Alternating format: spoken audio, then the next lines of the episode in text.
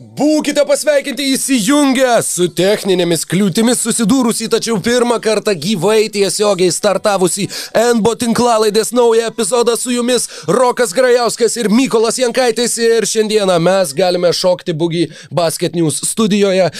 Sveiki sugrįžę, sakau visiems, nors iš tiesų sveikas sugrįžęs turėčiau sakyti savo pačiam, gal tu man turėtum sakyti sveikas sugrįžęs. Taip. A, nu gerai, galėsi pasakyti. Sugrįžęs. Puiku, ačiū, ačiū. Labai malonu vėl būti čia, labai malonu grįžti prie oranžinio kamulio, grįžti prie NBA lygos ir trumpam vėl išnirti iš futbolo vandenų ir peripetijų ir dar sėki grįžti prie to, ko, ko čia ir renkamės kiekvieną kartą. Taip, ir e, labai gaila, aišku, kad čia tie techniniai nesklandumai mums neleido taip sklandžiai pradėti šitą laivą, bet e, labai smagu ir e, tie, kurie liko mūsų žiūrėti su Roku, man atrodo, du žmonės, tai drąsiai rašykit, pūdinkit klausimais, tikrai mm, juos bus atsakyta. Jeigu išliksit su mumis ir per rinktinės rungtinės, tai bus iš vis labai, labai smagu.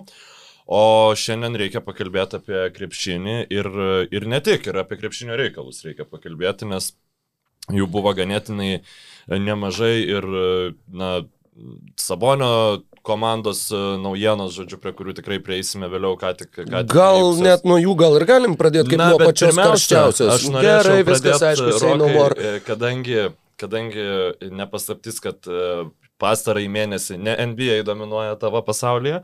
Aš tiesiog noriu labai trumpai drūtai tavęs paklausti, ką yra smagiau komentuoti NBA ar Europos futbolo čempionatą? Hmm. Na, čia dabar. NBA playoffs ar uh, Europos. Įgrūdai mane tarp, tarp akmens ir kietos vietos. Aš taip ir nesistengiu. Jo, labai tau ačiū. Um, nežinau, žinai, turi savų pliusų, savų minusų. Ir vienas ir kitas, bet uh, Europos futbolo čempionatą man yra labai uh, emocionali akimirka komentuoti, kažkaip tai. Ir dėl to, kad, su, sakau, visą atsimenu komentuodamas, kaip su mama žiūrėjom tų pačių tavo prieš tai minėtų 2000 metų Europos čempionato finalą, kaip jį žiūrėjom kaime, darbėnuose, Kretingos rajone per televizorių nespalvotą, kuris rodė tik tai vieną kanalą, bet kaip žlibinom abudu ir kaip visą tą jausmą, visą neįtikėtiną scenarijų. Ir, ir yra buvę ir daugiau tokių visokių simbolių gyvenime susijusių su Europos futbolo čempionatu. Pavyzdžiui, jo, mano buvusi žmona vis viena nežiūri tikrai šitų laidų ir neklauso, tai manau, kad galiu papasakoti drąsiai. Jis kažkada sakė, kadangi aš visada norėjau vaikų, o jinai visą laiką ten sapnuodavo košmarus, kad nešia ir panašiai, žodžiu, ne, nes nesuėjom šituo klausimu ir kažkada su ja šnekant kažkaip tai bandžiau va, taip užlaužinai, kad tai kaip čia, kaip čia darom, kaip čia ką ir jis sakė, žinai, galėsim va grįžti prie šitos temos, kai komentuosi Europos futbolo čempionatą. Ir jinai tą pasakė ant bairio, bet aš tą bairį kiną atsimenu. Ir, ir dabar, va jo, atsisėdęs prie mikrofono, tom pirmom rungtynėm vis viena buvo viduje tas toks, žinai, gali būti du turbūt variantai. Gali būti, kad tu atsiminsi su tokiu, ah, arba gali būti, kad tu atsiminsi su, ha, ha, ha, ha, ha pažiūrėk, kas dabar paskutinis juokės iš šito bairio. Tai, tai va, tai, tai sakau, emocijų dabar yra labai daug ir, ir džiaugiuosi kaip vaikas gavęs galimybę tą daryti. Ir žinoma, džiaugčiaus, džiaugčiaus ne kaip vaikas, džiaugčiaus kaip toks rimtas dėdė, jeigu vėl galėčiau komentuoti NBA krepšinį. Nu ir tau šiaip tas pirmas rungtynės, tai ten prie tų emocijų. Tai wow, jo. Šiaip, nu, žiūrint jas buvo sunku susi... susi aš nu, šiaip labai net džiaugiuosi, kad man pasisekė nematyti e, viso to epizodo, žinoma, kalbu apie e, Erikseno e, net, net nežinau kaip pavadinti, nu, traumą nepavadinti. Nu, tragedija, nelaimė, incidentą. Nu, Mes jau ten, ten daug nesu... sinonimų irgi jo, tai- ieškojom. Tai, tai kažkaip vat, neatsisukinėjau, teko tik komentarus apie tai skaityti, bet, nu, pakankamai, žodžiu, e, sveikinu tave praėjus visus įmanomus iššūkius ir e, atliekant labai kokybišką komentarą, labai kol kas smagiam renginiui.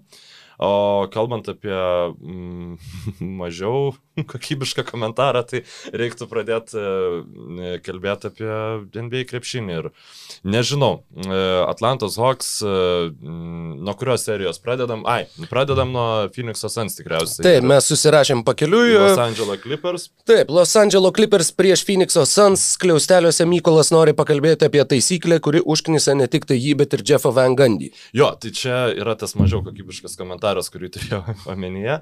Uh, tai tiesiog, nu, jeigu jau ir aš, ir Jeffas Vangandytis kažko sutinkam, tai reiškia, turi, nu, tai, tai reiškia, kad tikrai, tarsi, tai vaniliniai ledai yra tai- skaniausi planetoje. Jeigu jau sutinka abu du, vadinasi, tai yra kažkokia aksijoma, kuri turi galioti viskam. Taip, taip, taip. Ir yra vienas dalykas, na, visi sutiks, kad peržiūros, e, belia kaip ilgos peržiūros rungtinių pabaigoje, jos, e, nu, žudo žaidimo nuotaiką tas e, žaidimo emocija tikrai išsimuša ir e, krepšininkai, sakykime, galbūt gerai, kad jie gauna poilsio, bet nu, tas ritmas tikrai jis yra netoks pastovus, netoks smagus, koks būtų, sakykime, jeigu tas peržiūros būtų atliekamas greičiau ir itin ilgai yra užtrunkama peržiūrint, kuomet, pavyzdžiui, nežinau, nu, tarkim, aš laikau kamolį, tu į, išmuši tą kamolį man iš rankų ir tada žiūrima, ar jis nuo tavo ten piršto galiuko, ar nuo mano piršto galiuko paliko aikštelę. Ir mano šiaip nuomonė yra, nu, kad, tiksliau, aš pritariu nuomonė, kuri sako, kad ne, jeigu e, nebuvo reikšmingo papildomo antro prisilietimo prie kamulio, tai turėtų iš karto išeiti, nu, ta prasme, skaitytis, kad kamuolys išėjo nuo to krepšinko, kuris inicijavo tą kamulio iš, išrėdėjimą iš aikštelės.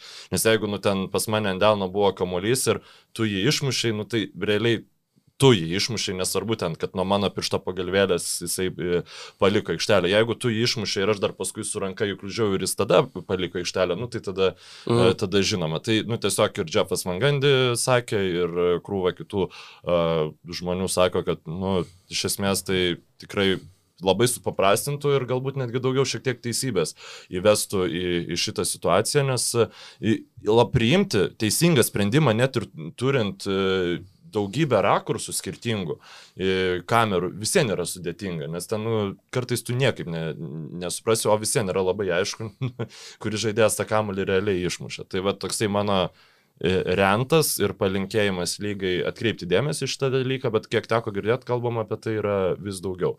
Ir nežinau, ar kada nors iš vis tau kliuvo, pavyzdžiui, šitas dalykas, ar, ar ne. Minimaliai, man galbūt ne taip stipriai kaip kitiem. Man jo, būna kur tu kartais, nu, mm, bet tuo pačiu man, pažiūrėjau, man tasai išsitempimas ir ypač paskutinių sekundžių, nu jisai turi savotiško žavesio, nes man kaip tik man dar labiau užauga, atrodo emociškai, kuo ilgiau vat, užsilaiko dar tą pauzę, ten nežinau, likus 15 sekundžių ir kur ten po to su visokiam dar pražangom dar ko nors, paskutinė rungtynė minutė trunka faktiškai, nežinau, 20 minučių. Ir sakau, iš esmės tai tas prailginimas, tas toks tempo sulėtėjimas lyg dar labiau išryškina svarbą kiekvieno epizodo, kiekvieno kamulio, kiekvieno, a, nežinau, kadro aikštėje. A, ir tuo atžvilgiu, sakau, mane galbūt tai erzina kiek mažiau negu kad dauguma, kiek, mhm. kiek yra tekę girdėti. Ir, ir Pereisim to jau prie rytų ir vakarų konferencijų finalų, bet kadangi jau Karolis uždavė klausimą, tai galbūt apie jį iš karto galim pakalbėti. Karolis Dunkauskas klausė, sveiki vyrai, sveikas Karoliui. Iš karto klausimas mano, kaip manot, kokio kontrakto yra vertas Jonas Valančiūnas šiuo metu ir ar jį mėgins išlaikyti Grizzliai, o gal vis dėlto Warriorsai pasims. Tai reikia priminti, kad Valančiūnui yra, ateina paskutiniai kontrakto metai, paskutinis sezonas. Jis iš tikrųjų jau nu, turi galimybę pratesti šį kontraktą nuo ateinančią sezoną realiai pradžios. E, ir dabar jis gaus ateinantį sezoną 14 milijonų JAV dolerių ir mano spėjimas būtų, kad e, gaus labai panašų kontraktą. Galbūt tik tai 3 metų jau nebegaus, galbūt ten bus 14, 32 metam ar kažkas panašaus. Nes tie mm, lengvai, kaip sakoma, polimo kokybiškų pick and rollų reguliariam sezonė padarantis centrai, jie šis sezonas parodė, kad yra visai vertingi ir daug, daug klubų tokių centrų norėtų. Na, Yra variantas, kad galbūt Jonas, pavyzdžiui, norės prie laiminčios komandos prisijungti ir paims mid-levelį kokį, kuris galėtų ten būti apie 10 milijonų per metus. Ta jisai galės padaryti tik tai 2022 vasarą. Taip, be abejonės. O tau, jeigu reiktų spėti, kaip manai, ar Grizzly prateso kontraktą, ar vis dėlto... Aš manau, kad taip. Uh, nepaisant to, kad Jarenas Jacksonas, nu, esam apie tai nekartą šnekėję, ateityje kažkada vis tiek turės tapti vidurio polėjų Memphije. Uh, bent jau kol kas, dar jau labiau, kai jis yra atsigavęs po šitų sunkių traumų, uh, kai dar tikrai nėra užsiauginęs pakankamai masės, kai dar negali pakankamai gerai kovoti dėl kamolių. Jonas Valančiūnas jiems vis dar yra labai svarbus ir labai naudingas žaidėjas, nepaisant to, kad Jacksonas grįžta po to, kai realiai nežaidė visą sezoną. Ir aš manau, kad jie, jie norės jį pasilikti, galbūt, kaip ir tu minėjai, galbūt poros metų trukmės kontraktas papildomai pridedamas prie tų 21-2, kurie jau yra, skamba pakankamai realiai, kad iki 24 metų maždaug, va tada jau ten 22-3 sezone galbūt jau pamažu ta tranzicija pradėtų vykti, kad pamažu Jacksonas taps startiniu vidurio polėjų, galbūt JV tada jau kils nuo suolo, tačiau ir JV po poros metų jau bus 31. Atrodo taip jo, keista, kur, nu, ką tik tai, ką tik tai atrodo, matėm tą jauną, didelį bičią, labai labai didelių norų ir didelę širdim Toronte negaunantį kamolių, o dabar žiūrėk jau, jau va, jau stebėtinai tas laikas bėga iš tiesų. A, ir, ir nemanau, kad jį bandytų pasimti būtent Warriors. A. Jo, be šansų. Warriors, nu, nebent jisai visiškai prarastų savo vertę ir pasimtų jį, žinai, už, už minimumą tiesiog, kas būtų. Bet šiaip, nu, dar nebent priklausomai nuo to, ką jie darys su Jamesu Wisemanu, pavyzdžiui. Nes šiuo metu tai netgi ir Wisemanas, nors yra startinis centras, bet yra tas, to, tas toks labiau džiaveilo magi tipažo startinis centras ir uh, dar pasimti papildomai aukštą ūgį, na, uh, nelabai su Warriors žaidimo filosofija, su Steve'o Kero žaidimo filosofija, jiems tiesiog netrūksta tokio žaidėjo. Jo, jo tokius centrus įman už minimumą. Jo. Ir sezono pabaigoje ten, žinai, jau. Ne, nu tai sakau, tas pats Džiaveilas Magy labai geras pavyzdys, arba Zaza Pačiulija. Tai buvo centrai, kuriuos jie pasėmė būtent už minimumą ir kurie a, ten labai ryškaus vaidmens vis vieną ir, ir nevaidino. Kalbant apie, e, turbūt galim uždaryti už šitą klausimą ir kalbant apie centrus, kurie pasiimti yra už centus. Tai Ivica Zubaco e, sugrįžimas į startinį penketą Los Angeles e, Clippers gretose. E, priminsiu, kad Los Angeles Clippers už O, dieve, kaip Maiką Muskalą ir, ir Maiklą Beasley. Ir Maiklą Beasley gavo gavo Ivica Zubacą, žodžiu. Ir iš tikro prieš Phoenix'o Suns, na, pirmose rungtynėse absoliučiai nesugebėjo susiginti Los Angeles Clippers, tiesiog Moriso trauma, komanda buvo išsekusi ir um, net nepavyko atrasti to recepto, kaip sustabdyti bukerio pick and roll, absoliučiai kiekvienos atakos metu bukeris išsimesdavo labai gerą metimą. Uh, antrosiose rungtynėse, antros rungtynės buvo tos, kurios galėjo įnešti šiek tiek intrigos į seriją. Uh, tai Ronas Lū pabandė, nu tiksliau nepabandė, o gražino didelės minutės į Vicą Zubacų, 35 minutės sužaidė šis centras, žinoma dėl Deandre Eitono dominavimo pirmosiose rungtynėse ir buvo pakankamai kokybiška gynyba statoma prieš Deviną Bukerį, leidžiama, žodžiu, leidžiama daug metimų išsimest Cameronui Peinui ir Cameronas Peinas tą laisvę pasinaudojo, suleido 29 e, taškus žaidėjas, kuris buvo nereikalingas Bulsam, kuris buvo nereikalingas Raptorsam ir dabar jis būtų Nu, man atrodo, mes jau apie tai išnekėjom, kad Būtsam reikia žaidėjo ir jis būtų geriausias Būsų žaidėjas turbūt, nu neturbūt tikrai iš visų variantų, kuriuos e, jie dabar turi. Ir Krisas Polas grįžta į trečias rungtynes, jau tai patvirtinta, patvirtinta, kad stebuklas neįvyko ir Kavai Leonardas negrįžta į trečiasias rungtynes. Ir, um, na, apie Polo Džordžo pramestas baudas aš galbūt netgi labai dar daug nešnekėsiu, nes e, jeigu ne Polo Džordžo žaidimas tiek pirmose rungtynėse, tiek antrųjų rungtynių ketvirtajame kelinyje su sugražinimas Clippersų į tas rungtynės, e, jie iš vis nebūtų turėję jokių šansų, bet e, akivaizdu yra, kad Phoenixas nebent Bukeris su Krisu Polu abu du gauna traumas, e, jie laimi šitą seriją ir keliauja į e, NBA finalą. Kokios... Trečią kartą. Man rodos, trečią kartą Sans jo būtų finale. Finalo jie kol kas dar nelaimėjo nesikio, jie žaidė tais metais, kai absurdiškai nukeliavo, na, iš dalies gal netgi panašiai kaip šiais metais. Jie žaidė Jėzau, 70, man rodos, penktų. Na, reikės pažiūrėti ir pažiūrėti, jeigu Phoenix'o Suns iš tikrųjų išeis į finalą, a, tuomet išvesti tą paralelę su ta komanda, kuri žaidė prieš Bostono Celtics, po to, kai prieš sezoną atliko mainus su Bostono Celtics, jiems atidavė savo lyderį, atrodytų gavo iš jų Polą Westfalą, kuris ten kalnų nevertė ir labai panašiai kaip Krisas Polas šiais metais, taip pat Polas Westfalas prieš daugybę daugybę metų, beje, irgi Polas, tik tai uh, nepavardėjo vardas, uh, nuvedė komandą iki finalų, kai niekas iš jų to nelaukė ir nesitikėjo. Ir praeitam sezone, man rodos, nežaidė playoffuose, jie žaidė NBA finaluose. Tai šiais metais jie padarytų lygiai tą patį, jeigu jiems pavyks tą padaryti. Ir tuo pačiu, žinoma, su Charlesu Barkley žaidimas finaluose ir pralaimėjimas Michaelui Jordanui, tai 93 metai ir, ir po 20, kas čia dabar išeis, 8 metų pertraukos. Phoenix'o Suns gali žaisti finale ir um, Kas dar, kadangi nuoširdžiai nemačiau, na, mačiau vienas rungtynes džiazų ir kliperių serijos, tai čia buvo iš konferencijos pusfinalių turbūt viskas beveik ką mačiau, kadangi, kaip žinia, gyvenu truputėlį kitam pasaulyje dabar, bet kas, kas buvo, pažiūrėjau, kokiu būdu jazz nelaimėjo prieš kliperius be Kawai. Kiek aš, na, teko kiek skaityti, būtent tas jų žemas penketukas labai neutralizavo Gobero įtaką po krepšiu, kadangi, na, penki metikai ir tu jo negali laikyti po krepšiu ir arba lieka lai, laisvas sniperis, arba jie prasiveržia ir verčia taškus iš po krepšio. Tai kiek teko matyti, būtent šitas, sakykime, taktinis sprendimas, Tyrono Lų prisitaikymas prie situacijos ir to paties tavo jau minėto Zubaco pasodinimas ant suolo labai labai tiesiog nokautavo Queeną Snyderį ir Rudy Goberą ir tą tokį tradiciškesnį Jutos Jazz e, starto penketą. Tai trys dalykai būtų. Tai pirmas dalykas - netikėtas Terenso meno uh, uh, sugebėjimas tapti ginamu ties tritaškio linijų.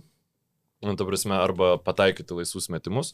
Uh, antras dalykas, uh, realiai net pikant jokių derinių nežaidimas, o tiesiog naudojimasis tuo, kad Mitčelas buvo, kaip angliškas išsireiškimas, yra kukt ir uh, kiti perimetro gynėjų, tas džiaz komandų irgi buvo nu, labai silpni. Uh, Tas leido irgi tiesiog e, Reggie Jacksonui pastoviai žaisti vienas prieš vieną ir prasiveršti ir išmesti lengvus metimus e, po krepšių arba papasuoti laisvam e, menui arba Morisui. Trumpam tik e, pertraukysiu.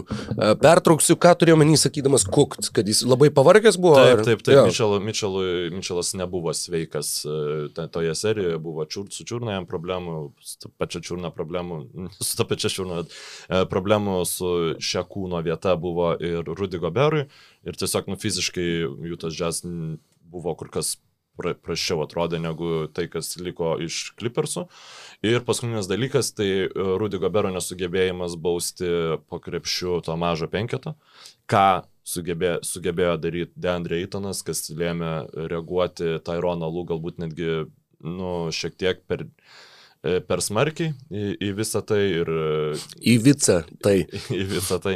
Ir kas lėmė Kazinso žaidimą, nu, toksai desperatiškas, kur, kad Nikola Batumas, kuris šioj serijai, nu, šiuose playoffuose yra turbūt trečias, ketvirtas geriausias Clippersų krepšininkas, žaidė lemiamus ir realiai svarbiausiose Clippersų rungtynėse 15 minučių.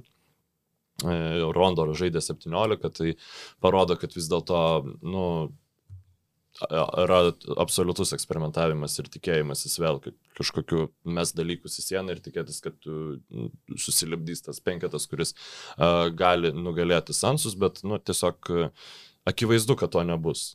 Phoenix'o Sans yra labai aišku krepšinį žaidžianti komanda. Um, kadangi nesu labai gerai krepšinį suprantantis žmogus, nebandysiu labai detaliai paaiškinti to derinio, bet iš esmės, kam įdomu, kaip 70 procentų savo polimo e, generuoja Phoenix'o Suns, tai įrašykite YouTube paiešką Spain Pick and Roll, ispaniškasis Pick and Rollas, žodžiu, E, ir pamatysit, kaip, nu, ten, kuomet, žodžiu, ateina aukštaugis ir dar gynėjas papildomą užtvarą pastato, ten, jeigu taip labai paprastai kalbant, ir, žodžiu, vyksta palimas tuo metu. Tai, tai taip e, labai paprastai atakuoja tiek su Krisopolu, tiek be Krisopolo Phoenix'o Suns. Na ir taip, visiškai variantas, kad sveikiausia komanda vakaruose išeis į finalą. Ir, kuriame... ir beje laimėjo pirmas dviejas konferencijos finalo rungtynės be Krisopolo. Jo, nu, tai, tai ta prasme, žinai, viena, abi dvi komandos be savo lyderių, tiesiog, na, jeigu paimtumėm Krisopolą ir Kavai Leonardą, Kavai Leonardas, nu, visien yra aukštesnio lygio krepšininkas ir e, žinoma, kad Clippers nu, visiškai nuo jo buvo priklausoma. Man tikrai yra fenomenalu, kad jie prie džiazų sugebėjo laimėti be jo.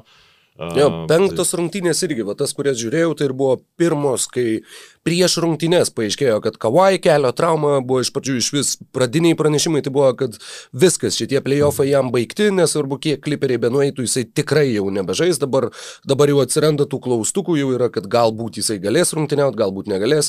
Šimtų procentų nežais. Nu, aš, aš, aš, ta prasme, atsiprašau, čia mano tiesiog toks, žinai, dėdiškas pasakymas mm. nuo, nuo, nuo sofos, bet, nu, ne, turint omeny Kavajaus šiaip istoriją dėl traumų, kiek nu, lėmė jam praleistų rungtynių, tai kad jis neišsigydęs jų bandė sugrįžti, jis tikrai nežais su įplyšusiu menisku, uh, kaip komanda. Ne kaip Žoelis Embidas. 3-0. Nu, tipo, nu, žinai, mes nežinom, kiek yra. Į, į, jo, jo, tie įplyšimai, žinoma, irgi yra skirtingi, bet uh, jo, ir tose rungtynėse irgi atsimenu ten tai, ką užsirašinėjau, E, buvo labai sunku suprasti po to, ką, ką turėjau omeny, nes po poros dienų atsidariau tos įrašus, bet uh, užrašus tiksliau. Bet vienas buvo, uh, tikrai atsimenu, kad buvau užsirašęs, kad Reggie Jackson ir, žodžiu, keli brūkšniukai ir Horace Grant. Uh, kad ne, ne, ne, nuoširdžiai neįsivaizduoju, ką aš turėjau omeny, bet turbūt, kad tas Kas pagalbinis sakinė? krepšininkas, ai taip, tiksliai. Viskas aišku, ačiū, kad išsprendėjai man šitą, apie, šitą mysą. Apie Clippers ir Jazz ir šiaip apie Clippers e, labai nemažai išnekėjau toj praeitoj e, tinklalaidai, tai kad pats nesikartočiau ir mes nesikartotumėm, -hmm. galbūt uh, keliaujam prie kitos uh, rytų konferencijos finalų serijos dur, durna frazuotė. Kitos bet... finalų serijos, taip, taip, kuri vyksta rytų konferencijai. Taip, taip. Ir Atlantos Hawks, nepaisant uh, to, kad na, vėl buvo laikomi outsideriais uh, prieš šią seriją, Galim tik tai dar prie vieno grįžti, nes manau, kad apie sure. tą tu dar nešnekėjai, apie Eitono pergalingą dėjimą. Jo, jo, jo, visiškai atsiprašau, pamiršau paminėti. Taip, tai... Čia toks, man atrodo, vienas svarbesnių visgi epizodų vakarų konferencijos finale. Jo, tai tiesiog, nu, daug ten apie, apie tai nėra ką pasakot. Uh, kaip Sansam kaip ir pasisekė tai vietai ir jokingiausia, kai žiūri pakartojimą, tai tiesiog matai, kad Ivicas Zubacas buvo pakankamai geroj vietoj apsiginti nuo to, tiesiog jis buvo per arti lanko ir jo ranka atsitrenkė į lanką ir kaip. Ir ne, bet buvo ir labai gera Devino Bukerio užtvara. Tai... Devinas Bukeris, būdamas tiek žemesnis ir tiek nusileisdamas fizinė jėga, sugebėjo tą, nežinau, kokias 7-80 sekundės dalis numušti ir atimti iš Ivicą Zubaco ir tas irgi buvo, na, ten ten galbūt, galbūt jeigu jisai nebūtų užkliuvęs tenai, jisai būtų spėjęs pašokti aukščiau ir liesti tą kamuolį, bet viskas ten buvo išpildyta labai gražiai. Ir man dar labai patiko tai, kad iš, išniro atsiminimai atmintyje 2000 tai buvo berots 15-16 sezonas, kai Phoenix'o Suns ar ne prieš Grizzlius žaidė? Ir atsiminu, dar Sport 1 televizijoje komentavau tas rungtynes ir ten buvo likę gal 60-osios ir jie kabino kamolį lygiai taip pat. Ir Tysonas Chandleris jį sugrūdo į krepšį. Ir tada aš pirmą kartą išgirdau apie tą taisyklę, kad nes tu galvoji, palauk, taigi yra tas offensive goaltending, kai tu negali, kai tu negali liesti taip virš cilindro kamolio ir tada buvo, kad štai Phoenix'o Suns pasinaudojo kokia spraga. Jeigu tu išmetinėjai kamolį iš užribio, taškai nebūtų įskaityti, jeigu kamuolys į kristų į krepšį, todėl to offensive goaltending nėra. Tu gali tiesiog atsistot, faktiškai mesti į krepšį iš šoninės linijos ir jeigu tavo bičias sugrūs kamulį, padės jam įkristi į krepšį, viskas, taškai, taškai galioja. Bet ir įdomu, kad lygiai taip pat ir gynyboje nėra defensive goaltending dėl tos pačios taisyklės, tai teoriškai komanda turinti tako folą ar panašiai galėtų tiesiog jiem nu, jis realiai galėtų uždėti ranką virš lanko ir nu, sutrukdyti bet kokiai tokiai atakai. Klausimas, ar galėjo pabandyti su Zubatsu, nu, Zubats pakankamai aukštas yra ir Nu, dabar jau kai žinai, Bet, tai žinai tai mato... ne, jeigu varžovas paliestų kamuolį ir jau bandytų dėt, tai tada ne, tada būtų goaltending. Jeigu Nebent dėt. jeigu tu spėtum paliesti ne, nu, pirmas. Jeigu jis bandytų dėti, tai čia būtų blokas.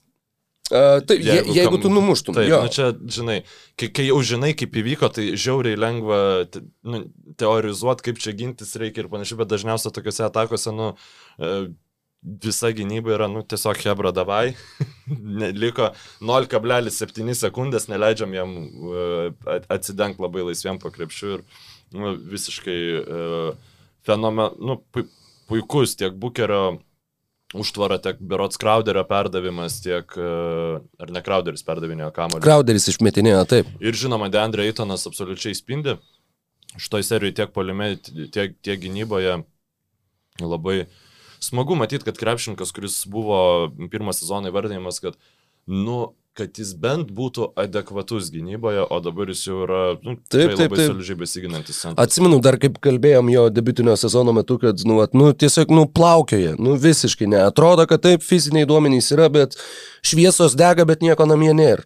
O dabar pff, labai labai įspūdingas progresas ir jisai tikrai buvo, dabar jau žiūrint, nu tikrai buvo labai geras pirmas šaukimas Phoenixo klubui.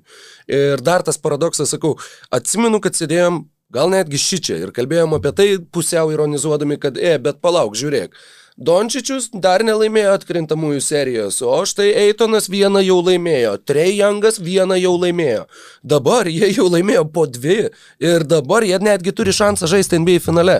Du bičiai iš tos pačios naujokų biržos. Ir tas, tai manau, kad dar labiau turėtų siutinti dar ypač, jeigu bus finalas Suns Hawks, kas, nu, nėra labai tikėtina, bet įmanoma. Tai turėtų dar labiau siutinti Luką Dončičių, kad va, žiūrėk, o šitie tai blemba turi komandas, o ką jūs čia man sukrovėt visokius hardavėjus, porzingius, su kuo aš čia turiu žaisti. Uh, tai manau, kad tas irgi dar gali, gali emociškai ten dar daugiau užkurti šaršalo dalase, kurio ir taip uh, yra tikrai labai labai daug. Ir žinau, kad šnekėjai praeitame. Jo, nu aš savo... tiesiog dėl, dėl šito, kad geras pirmas šaukimas, nu, sorry, aš nesutinku su tuo, kad kai tu gali pasimti uh, generational talentą uh, pirmų šaukimų ir tu pasiemi labai gerą mažiausiai svarbios lygoje pozicijos uh, žaidėją, nu tai, tai nėra.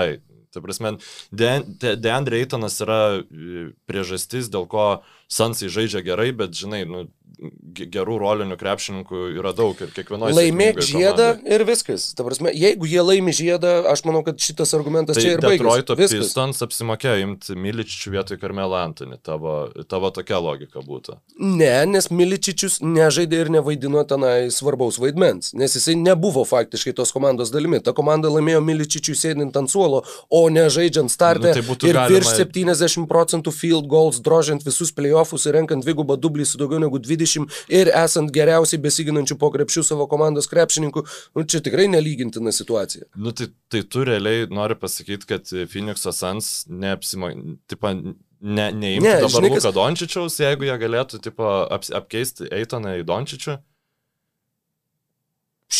Šiuo metu, jeigu jie galėtų atlikti šiuos mainus, aš nežinau, ne, jie turbūt jo, turbūt kad keistų, bet matai, kiek jie buvo maišomi su žemėm po to, kai jie pasirinko Eitoną. Jie buvo, vat, kad Dalasas pasėmė Dončičių, uh, nu ir dar Atlanta kaip čia sugebėjo iškeisti Dončičių, kai jau jį turėjo savo rankose, o štai Phoenixas su Sakramentu yra debilų organizacijos, kurios va pasėmė kažkokius niekam tikusius aukšto ūgius. Tai ką aš turiu menį, aš sakau, kad tas pirmas šaukimas jis iš tikrųjų dabar visiškai pasiteisina. Jie turi komandą, kurią aplipdė ir jie su tuo šaukimu žaidžia puikiai. Jie žaidžia geriausiai per kiek, per 20 kažkiek tai metų kaip organizacija. Tai, nu, ta prasme, kad tai gerokai pasikeitė lyginant su tuo, ką mes kalbėjom po biržos, ką mes kalbėjom po pirmo sezono, ką mes kalbėjom po antro sezono. Ir kad tas tolimas žygis atkrintamosiose, jisai visiškai keičia pačią, pačią perspektyvą, pačią percepciją, kaip, kaip jie pasielgė ir ką jie padarė su tuo šaukimu. Ta akimirka, aišku, tu turėjai Dončičiaus trenerių išrinktinės savo klube, kaip vyriausiai treneriai, tam buvo niuansų, bet dabar, vad sakau, dar plus, jeigu jie laimi žiedą, tuomet aš manau, kad niekas negali netgi, ta prasme, nu, pusę žodžio jo galima, tu gali sakyti, kad, nu, bet žinai, bet galėjot pasimti Dončičių arba Jangą. Bet lygiai taip pat jie galėjo sakyti, ej, ar mes būtumėm laimėję žiedą su jais. O, vatvel nežino, gal ir būtumėm, bet su Eitonu mes laimėjom. Todėl papūskit mum į uodegą, tai buvo teisingas pirmas šaukimas. Nu, jo, aš tai nesutinku, kad čia buvo teisingas pirmas šaukimas, bet, nu, tavo argumentus suprantu. Beje, dar gal... vienas, uh, grįžtant dar prie tų visų epizodų ir to dėjimo, kai Tysonas Chandleris įdėjo, kai laimėjo rungtynes. Uh, 93, kai jie keliavo iki finalo, aš tik neatsimenu, čia turbūt gal netgi buvo ir atkrintamosios varžybos. Jie turėjo dar vieną nuostabų būtent su išsimetimu laimėtų rungtynių epizodą. Pusė sekundės buvo likę rungtynėse su Blazeriais ir ką padarė Phoenix'o Suns, vadovaujami to paties Westfalo, kuris kaip žaidėjas su jais nukeliavo iki finalo pirmam sezone ir man atrodo, kad pirmam sezone, kai tapo Suns treneriu, irgi nukeliavo iki finalo, a, tai jie išsimetinėjo kamolį, likus pusiai sekundės nuo, nuo vidurio aikštės ir bičias net ne tai, kad metė į krepšį, bičias metė į lentą kad kamuolys atšoktų nuo lentos, ten, kur Barkley jau laukia kamulio, kad jį pagavęs, tiesiog pataikytų tokį trumpo vidutinio nuotolio metimą. A, tai šitas epizodas, nežinau, jį gal pridėsim Dominikai vėliau a, į, į įrašą. Pavyks rasti, ne? Jo, jo, tikrai pavyks rasti. Ir a, sakau, tai yra dar labai įdomu va tai, kad būtent Phoenix'o Suns, nors tai yra trys treneriai, kurie net nėra susiję vienas su kitu, va, visi trys išnaudoja kažkaip tai taisyklę, kažkokią būtent gražinant kamulį, kad tai yra savotiškas irgi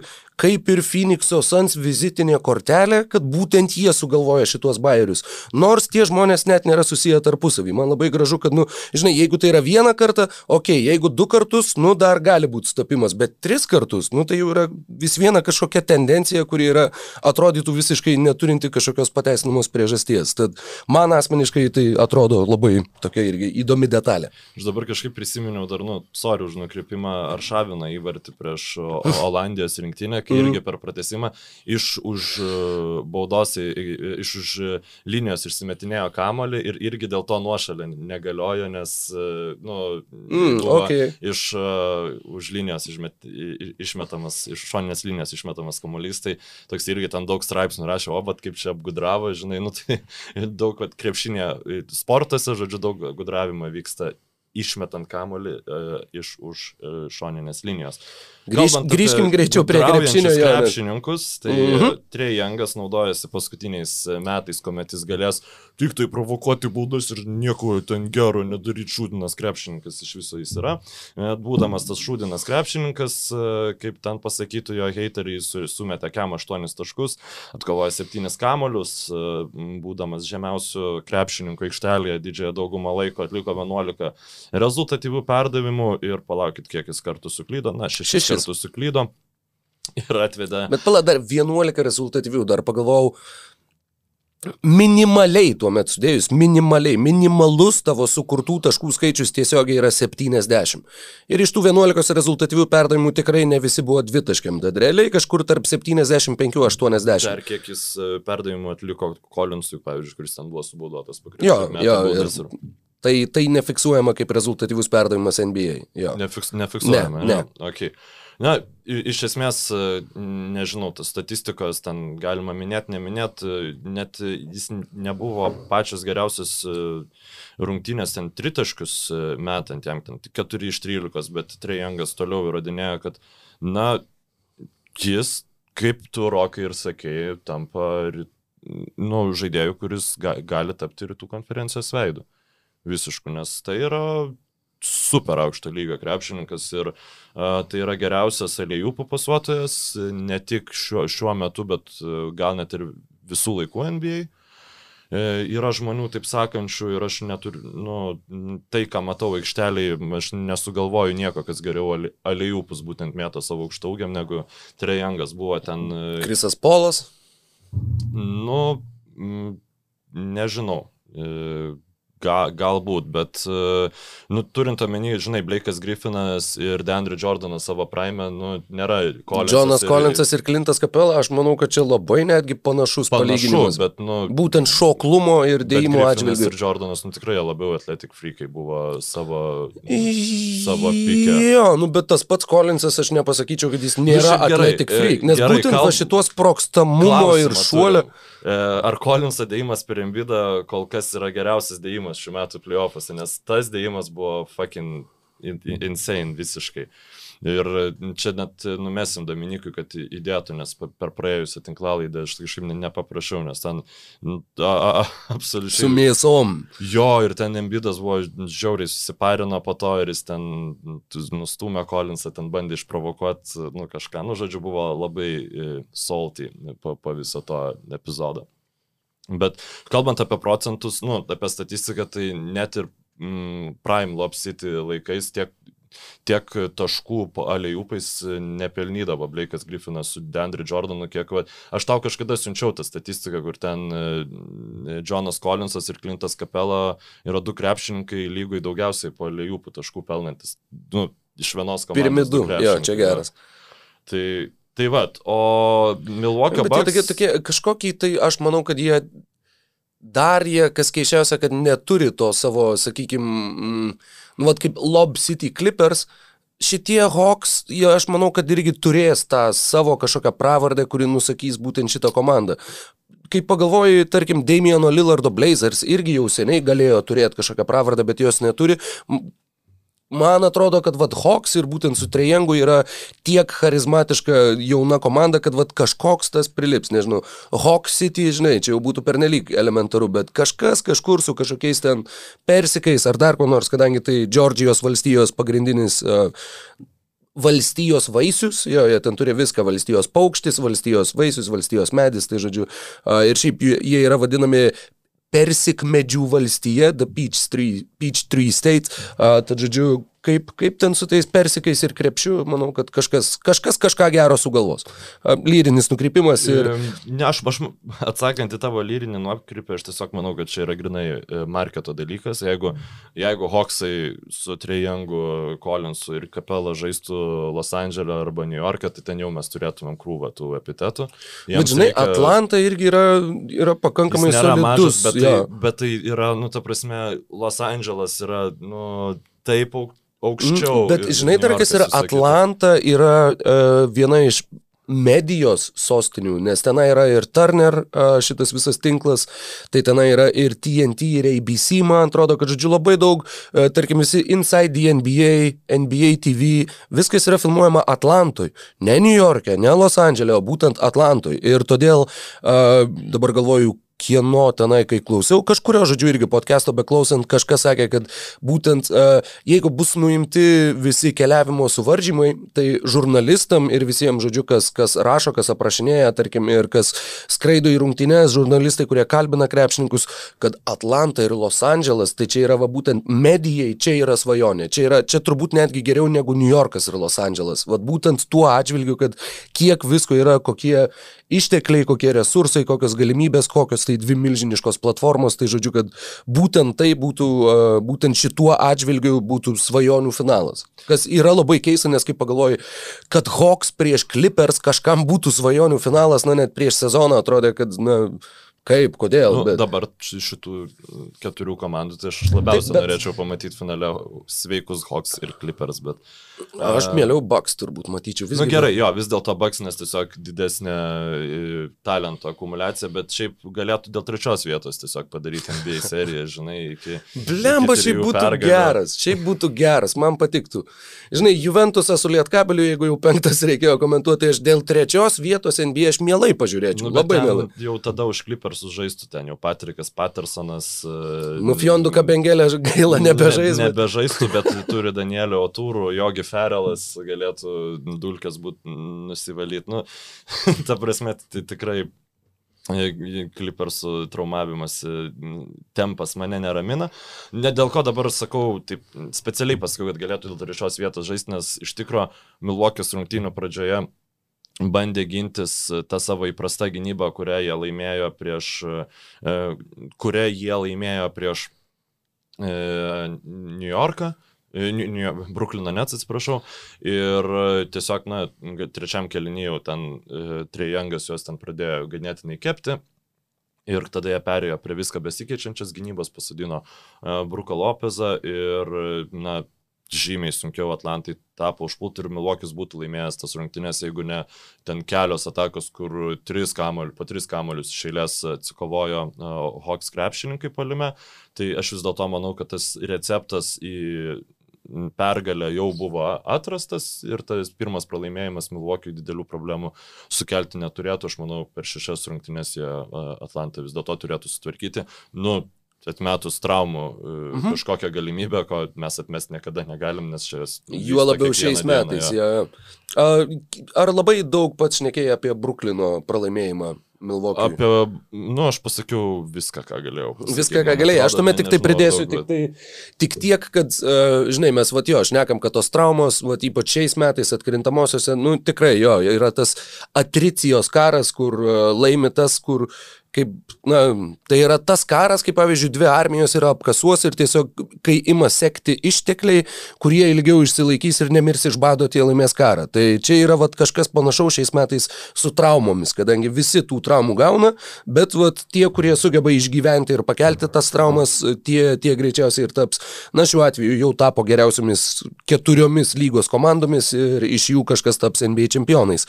Bet kalbant būtent apie Bruklino Nets ir tai, kad va, ir Jamesas Hardenas buvo na, visiškai sunešiotas ir Kairi Irvingas va, patyrė traumą ir nežaidė, man tiesiog, nu, va, žiūrint, kažkaip šoviai galva, nu, kad, nublemba, nu, tai gal nereikia atvažiuoti po tarp sezonio apsėdusiam ir demonstratyviai nesitreniravusiem ir ten treniruočio stovyklos metu varyti į strip klubus ir panašiai. Arba vidury sezono sugalvot, kad, eh, man dabar, neįdomu, man dabar įdomiau čia ten keliauti į kažkokias e, ten paskaitas su kažkokiais lektoriais, ten irgi kažkokius velnius, kažkokias samokslo teorijas, dar kažką tai. Na, žodžiu, kad va šitie dalykai, aš manau, kad irgi atsiliepia. Ir vien sakyt, kad, o, gavo traumas, nepasisekė, blemba, visas sezonas, nusakykim, dabar, kai jau irgi, kai žiūri žiūrim iš perspektyvos, aišku, labai lengva kalbėti, bet, nu tai tam ir yra tas tarp sezonis, tam ir yra tos treniruočių stovyklos, tam ir yra visas sezonas, kad tu tą ritmą įgautum. Ir jeigu tu pats sąmoningai, va taip, va, noriu įsijungiu, noriu išsijungiu, nu tai va padarinius mes ir pamatėm. Ir dabar yra labai įdomu. Tai... Visas tas tarp sezonis, tai, nu, to tarp sezonio, tai, nu, iš esmės nebuvo. Jo, Šiaip, jo, bet nu, turiu omeny, gal ne tą, ne tą panaudojau terminą, turėjau omeny, vad būtent treniruočių stovyklą prieš sezoną. Tarp sezonis yra labiau individualių įgūdžių gerinimui arba irgi tiesiog formos palaikymui, o va ta treniruočių stovykla, kai tu vat, būtent tu pasistatai savo visą fizinę kondiciją, kad atlaikytum šitą sezoną. Tai tam ir yra, netgi taip ir yra sakoma. Ir žodžiu, tai mes kažkaip tai va dabar, va, žiūrint, nepakankamai apie tai kalbėjom, kai tai vyko. Sakykim taip, va dabar man atrodo, kad jeigu kitame sezone vėl kažkas darys taip, mes jau turim precedentą, mes jau turim pavyzdį ir mes jau sakysim, e, žiūrėk, ar jiem nebus, kaip buvo netsam, va, praėjusiam tam sezone, kai, kai Hardenas atvarė nesitreniravęs, o kai Irvingas darėsi atostogas vidury sezono. A... Na, e, šiaip iš tikrųjų, vedant tą bendrą tokią paralelę, tai Taip, mes turim du krepšininkus, kurie nesirūpino savim, tada turim du krepšininkus, kurie visiškai neturėjo poilsio po alinančio, alinančių burbulo playoffų. Jimmy Butlerį irgi skaityčiau. Jimmy Butlerį, Marijus irgi šiaip iš tikrųjų, nu, mm -hmm. keliom mhm. rungtynėm mažiau žaidė, tai jo, daug tų traumų galima pri, priskirti prie normalaus fizinio kondicinio režimo nebuvimo. Ir E, išskyrus, sakyčiau, turbūt Kawai Leonardą, nes aš manau, jis pakankamai normaliam režime žaidė, nors iš tikrųjų šį sezoną jis žaidė, e, jis žaidė back-to-backus. Kawajus, jis žaidė, nu, na prasme, jis žymiai mažiau ilsėjosi negu tą sezoną, kuomet jie iškrito ir visi ten stumė, kad jūs čia ilsitės, jūs čia nieko nedarot, jūs čia tą, jūs čia, na. Ir, nu, mes matom, tai aš tą savo nuogastavimus dėl traumų ir kad man iš tikrųjų labai liūdna, kad tiek daug gerų krepšininkų mes nematom pačiu pačiu e, svarbiausių sezono momentų. E, turbūt ties Hawks ir Bucks serija, kaip jau ir galėtumėm. Baigti, aš tau pritariu irgi, aš manau, kad Bucks laimės ir šitą, aš vis dar laikausi tos pačios pozicijos, kurią mes sakėm prieš konferencijos pusfinalį, kad čia vyksta NBA finalas, Bucks prieš Nets ir kad kas laimės, tie ir taps NBA čempionais, tie turės na, geriausias galimybės tam. Uh, atsimenu, kad jo, irgi va, šiandien atsiemiau nemokamus pietus, kadangi tu sakei 4-2, aš sakiau 4-3, yes, score. Uh, aš tau žinok, nemokamus pietus, tai čia, A, čia dar iš seniau buvo. All Star. Ai, oi, oi, čia kokie pribrendę vadinas buvo. Nes ten. Ai, tai čia buvo šitie nemokami pietus. Nes Gerai. Ten tai reikia reik suvedinėti lentelę, nes mes ten daug prispėliojom mm. prieš tos atkrintamasis. Ten dar pasižiūrėsim, kas ką. Baku e, vaišins. Ir prieš darant pertrauką, e, turbūt e, tada paskutinė ta serija, kuri dar nebuvo uždaryta mūsų NBO podcast'ą. Jo. Ir Liberty City. Aš kaip ir sakiau, kad e, šeštosios rungtynės Atlanta atrodė geriau, už e, Philadelphia 76ers ir jie turėtų pagal, jeigu visas desningumą laimėti, tas rungtynes e, jie septintas rungtynes ir laimėjo ir Kevinas Herteris buvo absoliučiai fantastišk, fantastiškas, nu man žiauriai smagu, kad pavyzdžiui Bogdanas Bogdanovičius pelno keturis taškus Game 7, kur nu ten kiekvienas europietis sekantis NBA yra bent kartą pasakęs, va čia Bogdanas Bogdanovičius turi patirties, jis čia yra e, šaltakraujus žudikas, žodžiu, ir, ir taip toliau, ir žiauriai blogai žaidė šeštose rungtynėse, žiauriai blogai žaidė septintose. E, Jis po traumus. Taip, Jis nu- ne šiaip savo žiauriai blogai žaidžia. Ne, Taip. ne dėl to, kad jam patirties truktų. šitą, bet Kevinas Garteris e, su 27 taškais atvedė Atlantos Hawks į, į pergalę, bet nepaisant tos pergalės, daugiau dėmesio susilaukė e, vienas konkretus Filadelfijos krepšininkas. Tai yra, Trys metimai. Trys metimai. Per septynerias rungtynės ketvirtuose keliniuose. Trys metimai viso iš žaidimo. Ir tuo pačiu, dar negana to, a, su bent jau 70 mestų baudų, Beno Simonso 34,2 procentas taiklumo buvo blogiausias per visą NBA atkrintamųjų istoriją. Tai buvo, na, ta prasme, Filadelfijai dabar irgi žmonės šneka, kad žinai, nu jo, mes ten, nu buvo pirmi metai, mes buvom labai užsivedę. Antri metai, sakom, nu, nu jam reikia va pasitvarkyti metimą ir, ir jisai bus, nu, šakės koks. Ir su metais, su metais, tas jo metimas ne tik, kad negerėja, jis regresuoja, jis visiškai, jis tampa alergiškų metimam į krepšį. Ir kai Joelis Embidas po pralaimėtų septintų rungtynių, e, kurgi čia buvo ta citata, sakė, e, Aš būsiu atviras, aš maniau, kad lūžio taškas buvo, kai mes, aš nežinau kaip tai pasakyti, kai mes turėjom laisvą metimą ir iš to pataikėm vieną baudą. Tai jeigu Žoelis Embidas po septintų rungtynių... Kad Žaelis Embidas pasirodo kaip iš Arvido Sabonio. Ne, čia tai aš, aš supratau, kad čia buvo toks truputį Dikembe Mutombo ir truputį Kendrikas Perkinsas, ne, ne visai Embidas. bet- Tombo, tai for, for black shots. Tad, jo, vat, kai tavo komandos lyderis, nu jau, nu čia jau labai mažai pasyviai, agresyviai atsiliepia apie tavo žaidimą, tai, nu, čia jau, čia jau... Ah, tu prieš šitą epizodą dar sakei, tenai perskaitai, kad Benas Simonsas e, kol kas nereikalauja mainų iš Filadelfijos, kur, nu jo, seniai, ne, ne, dabar ne tau reikėtų mainų reikalauti. Nu, čia yra, čia iš vis, tu tada iš vis sabotuotum Sixerius. Nu, ta prasme, tu... Aš Simonso vietoj dabar važiuočiau ten, kur ryšio nėra. Realiai. Į Butaną ten čakras išsivalyti, nu, aš nežinau. E, Bet kur žinai, kur, ta prasme, tu, pavyzdžiui, ten sėdi, medituoji ir kažkas eina su, su net neįsivaizduoju su kuo. Arba stovi kokia tenai mergaitė ir su kalanka. Tiesiog, tu žiūri ir tau traumuojančios patirtys prasideda kaip, kaip Vietnamo karo veteranų, žinai, kur žia, lankas, a, a, ne, vengti. A. A, a, Andrius atklausimą uždavė, kuris iš šių krepšininkų būtų geriausias Westbrookas su kiam procentų tritaškio pataikymu, Janis su kiam procentų tritaškio pataikymu, ar Simonsas su kiam procentų tritaškio pataikymu. Janis. Tai, tai, ta prasme, Simonsas su kiam procentų tritaškio pataikymu visiems, jisai, nieks nesako, kad jis baudas gerai pataikytų, tai jis bijotų mesti iš tritaškio, kad, e, nu bet sakykime, Simonsas su metimu, man atrodo, visiems pagrindinės problemos yra net ne jo metimas, o jo psichologija. Nes, Jo, jo, e, ir žinai, kur Janis Dokas, irgi... Dokas Riversas, po to, Dokas Riversas, kuris nublemba. Ta prasme, nublemba. Nu, tu negali būti geros komandos treneris. Dokas Riversas buvo geras vieną sezoną, tai kai kliperiai buvo visiški underdogai prieš Warriors ir kai, nu, super pasirodė toj serijoje. Gavo 2-4, bet gavo nuo sveikų Warriors su Durantu ir kur tikrai buvo, kur jie žaidžia virš savo galimybių ribos. Jie yra daugiau negu kad jų atskirų dalių suma ir bla bla bla bla bla. Uh, šiais metais Šiais metais, palauk, buvau išsirašęs, bet uh, kiek, kiek jie turėjo? Jie turėjo plus 25 prieš Atlantą ir gavo tose rungtynėse, po to buvo rungtynės tikrai, kai jie turėjo plus 20 ir gavo Jo, tose dvi rungtynėse. rungtynės su plus 20 Jie, ta prasme, jis yra vienintelis, kuris bent du kartus gavo serijoje, kurioje pirmavo 3-1 ir tą padarė tris kartus. Šiais metais jisai tiesiog įsigudrino net ne pirmau 3-1 serijoje, kurią turėjo laimėti 4-1. Nu, čia buvo talento atžvilgių akivaizdu, kad tikrai Filadelfija, o, nu, Filadelfija, jo, tikrai Filadelfija. Ir kokiu būdu, plus uh, atkrintamosiose per šituos porą metų, čia šitogi mm, O'Connoro skaičius. Noriu Mhm. pridėti 10 žaidėjų rotaciją.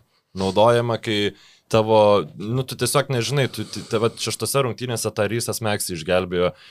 Čia yra tai, blogiau negu Tairono Lų lygio eksperimentavimas, kuris, nusakykime, seriją einantis tą rotaciją vis siaurina, o Dokas Riversas seriją einant rotaciją vis didina, nes jis galvoja, gal tu žaidėjo, kuris nežaidė daugiau nei penkių minučių, šiaip pas mane, gal tu mane išgelbėsi. Žiūrėk, Sikseriai pralošė ketverias rungtynės šitoje serijoje viso 17 taškų skirtumų bendroji sumoji. Tose ketveriose rungtynėse Dvaitas Howardas žaidė 36 minutės ir jo plius minus buvo minus 37. Tai tu išmetęs Dvaitą, tu laimi plus 20. Nu, per, nu čia, čia aišku, jo, čia matematika ir tiesiog sulyginimas, tiesiog. bet, bet nu tai kaip, nu, va, čia kaip... Faktas, kad Embidas negalėjo tiesiog žaisti tiek, kiek nu, norėtųsi. Na, bet tai tu žaisti tada žemų penketų, tai jo, kam tau, ta prasme, tu, tu, tu tiesiog neturi su... lankstumo, tu matai, kad va šitoj valties daly yra skylė, per kurią veržės vanduo ir tu, e, nu, e, Bet, bet, nu, turi būti toj valties gale, ten neturi būti, e, nežinau, uždėta brezento, nes brezentas turi būti šičia. Dabar, tu turi kažkokius, nežinau, dalykus, kurių tu negali. Nik, Nikas Narsas tikrai būtų pabandęs, nežinau.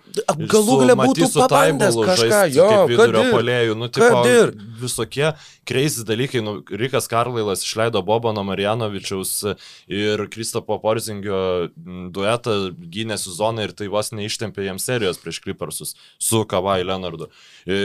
Taironas Lū išleido Nikolą Batumą, nu gerai, čia nėra kažkoks kreizis sprendimas, bet integravo menai rotacija. Šitą tada e, mes turim Blemba, šiaip apie Doką Riversą Gydijus kaip tik klausia, ar tai nėra labiausiai, vienas iš labiausiai pervertintų trenerių. Aš dar ką noriu pasakyti, man atrodo, jis yra žiauriai e, silpnas treneris tiek taktiškai, tiek psichologiškai. Jis komanda, su kuriais laimėjo, turėjo Rondo, Aleną ir Keviną Garnetą, kuriem, nu, kurių tu psichologiškai nepalauši. Ta prasme, tai yra žiauriai, žiauriai kieti krepšininkai, žinai, ir, sakykime, nu, jam akiv... Tai, kad tu, e, ta prasme, su, su tavim gali dirbti tik tai, nu, kieta kakčiai visokie, tai neparodo, kad tu esi kažkoks ten, oi, aš daug reiklus ir panašiai, nes, nu, geriausi treneriai yra tie, kurie sugeba dirbti su visais krepšininkais. Mm -hmm. Tai Labai pasakė ir atsiminiau, Sport vienas buvo vienas komentatorius, palikim jo vardą pavardę, taip sakant, vardas ir pavardė redakcijai žinomi, kuris mums su Andriumi Dainiu bandė išaiškinti ten gal kokiais 2016 maždaug metais, turbūt 16, kad E, Dokas Riversas. Dokas Riversas yra ger, pats geriausias treneris NBA. Nu, pats geriausias, nu, tu pažiūrėk, jisai laimėjo su tais Celtics, nu, kas ten buvo, nieko ten nebuvo. Kas toj komandai buvo, jie nieko neturėjo. Va, Dokas Riversas laimėjo. Ir, Jėzu, ir tu bandai išnekėti ir tu supranti, kad, nu, tiesiog, nu, kur argumentai yra tokie, kad tu, su, tu suvoki, kad šita diskusija niekur neves, nes, nu, nes niekur neves. Uh, bet grįžtant dar prie Doko, nuo 19 iki 21 playoffuose, čia per pastarosius dviejus playoffus turime omeny, per pastarųjų dviejų sezonų atkrintamasis, bent 16 taškų persvarą Dokas Riversas turėjo ir pralošė rungtynes penkis kartus. Visa likusi NBA tris kartus. Tai yra, nu, dar vienas, kur, sakau, Filadelfijos e, šitų fanų forume libertyballers.com e, irgi po to pralaimėjimo buvo kažkas tai rašė, kad, nu, jisai turi a PhD in blowing leads kad, žodžiu, turi habilituoto daktaro laipsnį ir kažkas dar komentarą parašė po apačią, well, they don't call him doc for nothing.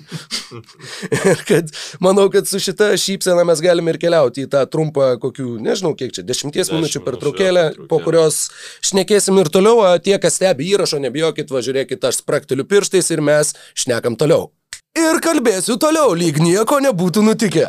Tad grįžtame į NBO tinklalaidę, vieną linksmiausių NBO tinklalaidžių, kokiuose man yra tekę dalyvauti. Ir grįžtam prie tos pačios trenerių temos, kadangi ką tik tai šitaip su žemėm sumaišėm Doka Riversą, tai dabar galim pakalbėti ir apie tas komandas, kurios Vyriausiųjų trenerių dar neturi ir tas komandas, kurios jau turi savo vyriausius trenerius, du treneriai paaiškėjo vos kelių valandų skirtumų vienas nuo kito ir važiuodami į priekį išnekėjom, kad, na, tai turbūt visgi nėra visiškai nesusiję dalykai, kadangi Rikas Karlailas pasitraukė iš Dalaso savo norų, kaip, kaip leido mums suprasti JAV žiniasklaidą. Ir... Nebejotinai Jo, būtent dėl to, dėl to, sakykime, galios nepasidalinimo, dėl viso to, kas vyksta, dėl visų šešėlinių generalinių vadybininkų, apie kuriuos jau kalbėjai uh, praeitame epizode. Ir ta mintis, kurią mes turėjom dviese susirašinėdami, buvo, kad, e, palauk, Rikas Carlylas į Celtics, nes jisai tapo NBA čempionu su Bostono Celtics, jisai uh, ten buvo ir su Danny Ainge, ir su Larry Berdu, ir su McHale'u Perišu ir kitais. Uh, ir atrodė, kad, na, žinai, vad kaip tik tas pasitraukimas, būtent tada, kai Celtics uh, taip pat irgi po na, pakankamai ilgos pertraukos neturi vyriausiojo trenerio, bet Bostono Celtics paskiria Ime Udoką vyriausiųjų trenerių ir praeina kelios valandos ir Rikas Carlylas grįžta į Indianos Pacers, tampa Domanto Sabonio naujojų vyriausių trenerių. Paceriuose jisai dirbo nuo 2003 iki 2007 ir po to metus padirbo ESPN apžvalgininku ir nuo 2008 iki dabar dirbo Dallaso Mavericks. Tad 13 metų Riko Carlylo era Dallase, vienas čempiono titulas, žinoma, žinoma, vienas iš tų įspūdingiausių čempionų titulų, kokius, kokius yra tekę matyti apskritai bent jau šiame amžiuje. Ir dabar Karlailas Indijanoje, Ime Udoka Bostone. Visų pirma, gal pradėkime nuo šitų dviejų trenerių ir, ir nuo to, kaip tu vertini Mykolai šituos paskirimus, ar jie tave nuvylė, ar pradžiugino, ar nustebino, ar tiesiog tai yra ta, ta pilkoji zona, kai, kai tiesiog reikia palaukti ir laikas parodys. Aš tas Ime Udoka iš tikrųjų ne, nenoriu išsiplėsti, nes tikrai neapsimesiu, kad aš žinau jį kaip trenerį. Man atrodo, kad tie visi išvedžiojimai, koks jis čia gali būti taktiškai ir taip toliau, na, galima prisiminti Neitą Bjorkraną, kai mes ten labai smarkiai analizavom ir kai, nu, nu tiesiog tu, mes pamatysim į Maudoką ateinantį sezoną, Apie jį Tiesa, apie jį, yra superiniai. Jo, jo, e, jis jau visą, nu, žiauriai ilgai buvo siejamas. Kiekvienais kiek... metais, taip, su kiekvienu atsilaisvinančiu e, trenerio postu. Du dalykai, kurie yra aiškus. Vienas iš jų yra, kad 2019, kai e, JAV turėjo katastrofišką krepšinio čempionatą Kinijoje, jisai dirbo tame trenerių štabe, jisai tenai dirbo su Markusu Smartu, Jasonu Teitamu ir Jailenu Braunu, tad šitie trys žaidėjai jį pažįsta, į jų nuomonę buvo atsižvelgta atsižvelgta, jie apie jį atsiliepia labai teigiamai, tad, na, tai yra, sakykime, tas tos rekomendacijos, kurios jam padėjo gauti tą vyriausiojo trenerio postą. Kitas dalykas yra, tai yra Grego Popovičiaus trenerių medžio dar viena atžala. Jisai taip pat dirbo San Antonijoje, keletą sezonų buvo asistentu, vėliau porą sezonų dirbo Filadelfijoje, tenai atvyko iš pradžių pas Breta Brauną, liko ir pas Doką Riversą ir štai dabar prieš tai, man atrodo, jau, atsiprašau, pas Doką Riversą neliko šiame sezone, jisai buvo Brukline ir dabar jisai perima Bostono Celtics vyriausiojo trenerio pareigas. Ir paskutinis dalykas, bent jau kuris yra, taip sakant, apie jį galbūt labiau spekuliuojamas, tačiau yra kalbama, kad jisai yra labiau gynybinio plano treneris ir kad... Jis buvo labiau gynybinio plano žaidėjas. Aš neįsivaizduoju, ne, aš... Žinok, dėl to. Galbūt, galbūt, nežinau. pasakys, kad jis labiau atletišką krepšinį mėgstantis žaisti. I double dare. Na taip, bet e, ne, bet aš manau, kad, kad tai gali būti dėl to, sakykime, už kokius dalykus jisai buvo atsakingas tose komandose, kuriuose dirbo, kadangi NBA pastaraisiais metais ypač e, ryškėja ta tendencija, panašiai kaip NFL, amerikietiško futbolo pirmenybėse, kur ten yra labai aiškiai išreikšti, yra vyriausias treneris, yra puolimo koordinatorius, yra gynybos koordinatorius. NBA pamažu jau irgi, sakykime, formuojasi tas, tas modelis, ne visose organizacijose, ne visose komandose, tačiau kai kurios turi aiškiai išreikštus, kad tas žmogus yra atsakingas už puolimą, tas žmogus yra atsakingas už gynybą. Bruklinė, kur Michaelas D'Antoni, Maikas, atsiprašau, D'Antoni sėdi ant suolo greta Stevo Nešo, jeigu tu sėdi irgi, nu, tu ne už polimą atsakingas šitoj komandai. Tai gali būti, kad iš to irgi yra daroma prielaida, kad tarsi gynyba yra jo stiprioji pusė, bet aš vis viena nemanau, kad tai tikrai signalizuoja, kad Bostono Celtics dabar bus, nežinau, top 5 gynybos komanda ir bus silpnesnė polime. Ne velnio. Atsiprašau, jie tikrai turi talento būti top 5 gynyba. Ypač jeigu Horfordas bus nu, sakykime, toks, koks jis buvo Bostone, ko aš šiaip labai... Bet dar abejoju. šitą beje irgi galim įtraukti, bet prieš tai... Norėjau tavęs -hmm. paklausti, šiaip aš, nu, tie mainai jau šiek tiek buvo paliesti, e, labai minimaliai, bet e, aš, kaip manai, ar įmėjau doką savo, nežinau, interviu ar panašiai, e, ar buvo su juo kalbamasi apie, vat, Walkerio mainus ir ar Nemanau. jis turėjo bent kažkiek tai, nu, ar jis bent kažkokią tai pritariamą į žodį galėjo tarti. Nemanau, nustepčiau tiesą pasakius, Nu, nes čia prieš kiek laiko čia...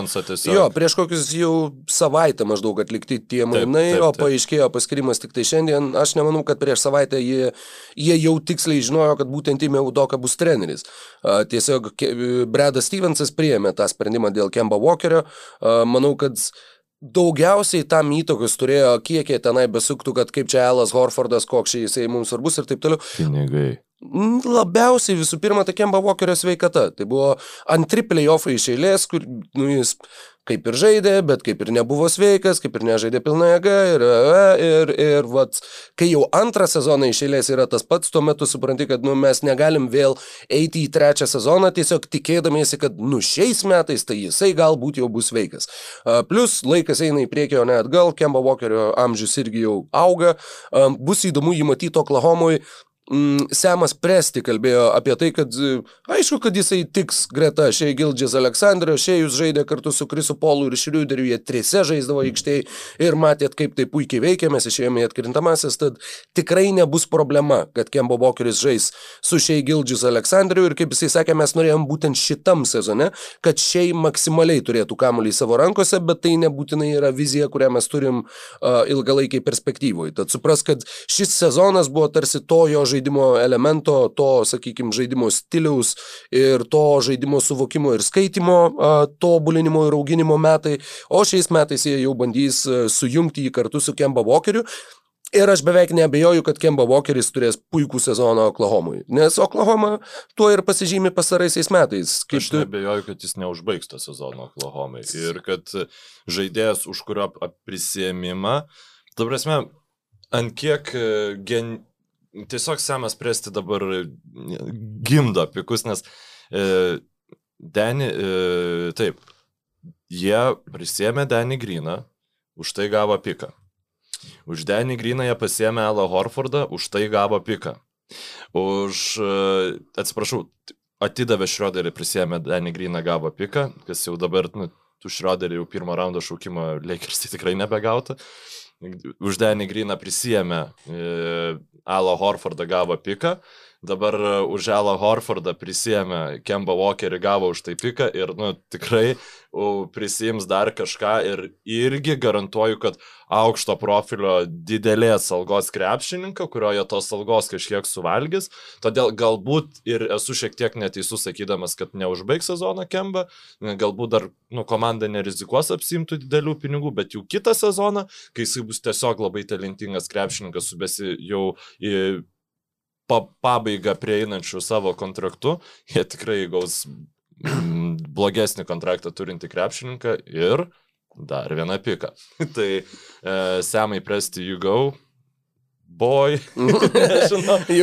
Man irgi nuskambėjo gal, iš pradžių galvoju, bet, bet E, Bet e, tas toksai labai, nu, net ne, ne procesu tą pavadinčiau, bet e, toks, tipo, kaip kokiam FIFA Ultimate team, kur tu tiesiog perki žaidėjus, Arba žinai, už, 2K už mainų 400 pinigų ir parduodi juos už 700 pinigų ir aš taip, nežinau, per 8 valandas atidirbdavau per dieną, užsidirbdavau, jūs ten 50 tūkstančių nusipirkdavau gerą žaidėją. Nu, tipo, toks, e, grinai. jisai savotiškai tęsė tai, ką buvo pradėjęs Semas Hinky proceso metu, bet jisai tą daro ir tuo pačiu, ir tuo pačiu ne taip radikaliai, ir tuo pačiu dar radikaliau. Ne taip radikaliai tuo atžvilgiu, kad jisai nerenka specialiai blogiausių įmanomų krepšininkų ir vos tik kažkas kažkiek atsiskleidžia, iškart bando irgi va, parduoti ir gauti šaukimų. Ne, jisai turi konkurencingą pakankamai komandą, kuri šiais metais irgi, jie neveltui nebeleido to paties šiai Gildžis Aleksandro žaisti, ne tik Elo Horfordo. Horfordo dar supranti, kodėl bent iš tos pusės, kad, nu mes žinom, kad mes jį norim iškeisti, mes norim, kad jisai nesusitrumuotų iki sezono galo. Šiai Gildžis Aleksandris nežaidė todėl, kad jie buvo per gera komanda savo tikslams. Ir šiuo atžvilgiu, sakykime, jeigu Semas Hinky būtų gal net bandęs iškeisti tą patį Aleksandrį, tai jie elgėsi kitaip, jie elgėsi, sakau, iš dalies netgi dar radikaliau, mes tiesiog nebeleidžiam žaidėjo žaisti, bet iš kitos pusės ne taip radikaliai, kad na, vis viena ta komanda jinai nėra su, su šešiais centrais e, pailiui trijose naujokų biržose, kur su Noeliu Okaforu, Embidu Smidų ir dar visokiais Spenceriais Hosais ir, nežinau, Brandonu Deivisu ir Henry Simsu ir kiek, Furkanu Aldemiru ir kiek jie ten tik tai neturėjo visokių keiščiausių žaidėjų. Vienas smagiausių iš Sporkl kvizų yra surašyk visus žaidėjus, kurie ten per tuos berots tris sezonus atstovavo Philadelphia 76ers. Tu surašai gal kokius 30-40 procentų, tada jau pasiduodi ir tada skaitai pavardės ir galvoji, Jėzau, jo dar toks buvo. Esmė kitą dar savaitę buvo. tu daugiau taškų nesurinktum. Jo, jo, taip, taip, taip, taip. Nu, kitą savaitę gal dar, bet porą savaičių ir vėl. Galėsim iš tas to važiuodami atgal. Labai gerai, va, kaip tik bus. Ga bet... Galėsim netgi kaip nors pasidalinti su, su mūsų žiūrovais ir klausytojais, ten, nežinau, YouTube komentaruose, pavyzdžiui, informaciją. Mes pabandysim numesti linką description'e. Jo. E, Dominikui surasim ir tie, kas, nu, Kas mus žiūri live dabar, tai tikrai privalot padaryti, bet tie, kurie žiūri ir aš irgi, nu padarykit, pasidalinkit. Jo, tiesiog labai koks... įdomu, jeigu, jeigu ten kažkokiu surašėt būdu neįtikėtinų labai labai daug, atsiųskit ir screenshotą, kad tikrai galėtumėm patikėti. Jeigu ra, tą darėt iš dešimto karto ir sukčiavot visiems respektas, siūskit screenshotą. Nes šitiek savo laiko investuot vardant to, kad padarytum įspūdį. Furkano Mums, Aldemiro. Jo, ir vardant Furkano Aldemiro ir palauk, nu kokį nors dar gerą Robinson, Rollis og Thompsoner Blemba Holisas Thompsonas. Kur jis dingo? Jis buvo visai. Jis per tikiai buvo žiauriai geras krepšininkas, jo. aš fantasy draftuose, kai visada draftindavomės ir, nu, paskui žaisdavom vieną mm -hmm. prieš kitus, mm -hmm. visada kaip 12 ten tą krepšininką pasiimdavom. Mes tuos du paskutinius ką. vadindavom suvenyriniais, kur tu susirinkė 10, kad, nu, jeigu ką rotacija ir dar jeigu ten bauduotųsi kažkas, tai kad turėtum ir kad ten tokių 9-10 universalesnį ir 11-12 visat būdavo visokie ten Kirilas Fesenka arba dar, kur tau jų juokingi žaidėjai, tiesiog, kur jeigu jau gavinėsi ant kiam arba pirmiausia ant kiam, tai dar įmesi tuos žaidėjus ir pažaisi su jais. Po 12, 10. Po 8. Minučių, po, po 8. 8. Mūsų buvo tas vat, pats geriausias laikas, pats labiausiai subalansuotas, kai, kadangi žaidimo sparta daug didesnė negu, negu realaus krepšinio, jo, jo. tai vis viena tie rezultatai tam būdavo, nežinau, Max 150 turbūt esu sukrovęs po 8 minutės žaidžiant. Nes tiesiog grinai dėl tempo ir dėl to, kad jeigu pagauni su kažkuo metimą, tai, tai arba ten, kai būdavo, jeigu yra labai ryškus lygių skirtumas, tada pradedi žaisti ir žiūrėti, kiek daugiausiai gali su vienu žaidėju sumest taškų. Daugiausiai buvau su Townsu sumetęs gal 82 ar panašiai, bet tas, kur labiausiai įsiutinau bičiulį, tai buvo, kad jam gal 58 taškus ir beveik 100 procentinių taiklumų suvertė Gorgi Džengas ir tada jisai išėjo namo ir sakė, na, fik, aš ne, aš, aš daugiau, šiandien aš daugiau žaisti nenoriu. Jo, bet šiaip NBA tikrai e, tie žaidimai priverčia pamilti tokius random krepšininkus, aš atsimenu, man... Jaredas aš... Balesas buvo žudikas, Žud... NBA Lavonas Alenas, pavyzdžiui. Lavonas buvo... Alenas man niekada simpatijų nu, nekėlė neatsimenu, ar tukiai 16, ar tukiai 15, nu, tipo, Filadelfija buvo pakankamai prasta, bet uh, turėjo ten jau, nu, turėjo MCW niuansų ir, ir buvo ta lavojo Aleną išleisdavai, nugarytą pasistumdavai ir, nu, 20 kokių taškų nuo suolos sumesdavai. Ar netas Multry? Okay, Toks buvo. Žinai, dar koks buvo šitas, kur, kur bijojo skraidyti. Kaip jisai buvo? Kažkoks Roisas, man atrodo. ne, ne, ne, kaip. Andrew Bennettas bijojas, bijojas. Anthony. Bennettas ne tik skraidyti bijojo. Na, vienai par kitaip grįžkim, manau, kad prie trenerių pakalbėjom, va tiesiog Semo Presti nu, kolekciją. Aš galvojau, kad e, galim grįžti prie trenerių, bet man atrodo, čia visai ir gera būtų, kadangi pasikalbėjom apie pikų kolekciją, greitai loteriją apžvelgti. Nes iš tikro, Oklahomai jau, ne, jau nepasisekė. Jie turėjo visai, sakykime, netokius ir mažus šansus turėtų du top 5 šaukimus e, biržoje, kur top 5 krepšininkai yra laikomi Visi uh, LNB uh, top 4. Aš kiek girdėjau, top, top 4. 4 ne, kuminga tai papuola. Jo, tai yra Keidas Cunninghamas, uh, Evanas Mobley, Jailenas Saksas. Ir Jailenas. Uh, Greenas, ar ne? Greenas, taip. Jo. Nesmitas, jo. Ir uh, Oklahoma City turi šeštą šaukimą, šitoj biržoje ir tą um, pirmą, antrą šaukimą, kurį gavo Houstonas, kurie būtų gavę, jeigu Houstonas būtų... Top 4 protected, berods. Jo, top 4 buvo protected, žodžiu, taip. E, šaunuolis Derelas Mori, kuris net ir darydamas treidą, kurio jis nenori, e, nuspėdamas, kuo gali viskas baigti, baigtis uždėjo top 4 protectionus šituose swapuose. Ir, jo, čia Vesbruko ir Polo mainai. Tai Vesbruko ir Polo mainai ir Derelas Mori žinojo, kad jis kitą sezoną po tų mainų nebebus, nu, aš manau, kad jis nujautė, kad jis nebebus Džemas Houstono, bet jis nusprendė, nu, iki galo profesionaliai atlikti savo darbą, tai didžiulė pagarba jam. Labiausiai šokiruojantis mane dalykas įvykęs po loterijos yra tas, kad Detroito Pistons paskelbė, kad Nu, išėjo naujiena iš The, The Athletic, paskelbė, tai kažkaip The Athletic jau nu, rando mančių nerašo. Neblyčia report. Kad e, Detroito Pistons galėtų išmainyti pirmą šaukimą arba kitaip tariant Keidą Cunninghamą. Ar turi kažkokią nuomonę šitą naujieną? Aš manau, kad tai yra labai logiškas žingsnis paskelbti, kad tu galbūt išmainytum, yra tiesiog pažiūrėti, na, įkišti koją į vandenį ir pamatuoti temperatūrą.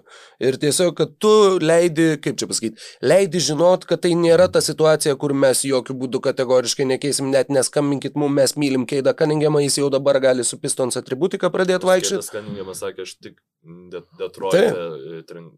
Nes tu, nes tu, čia žinai, kas yra, čia yra dar vienas dalykas, nes aš tikrai būsiu pirmas šaukimas. Bet čia, čia yra ir, ir iš tos pusės. Nu, kaip, kaip sako žmonės, med respekt jam.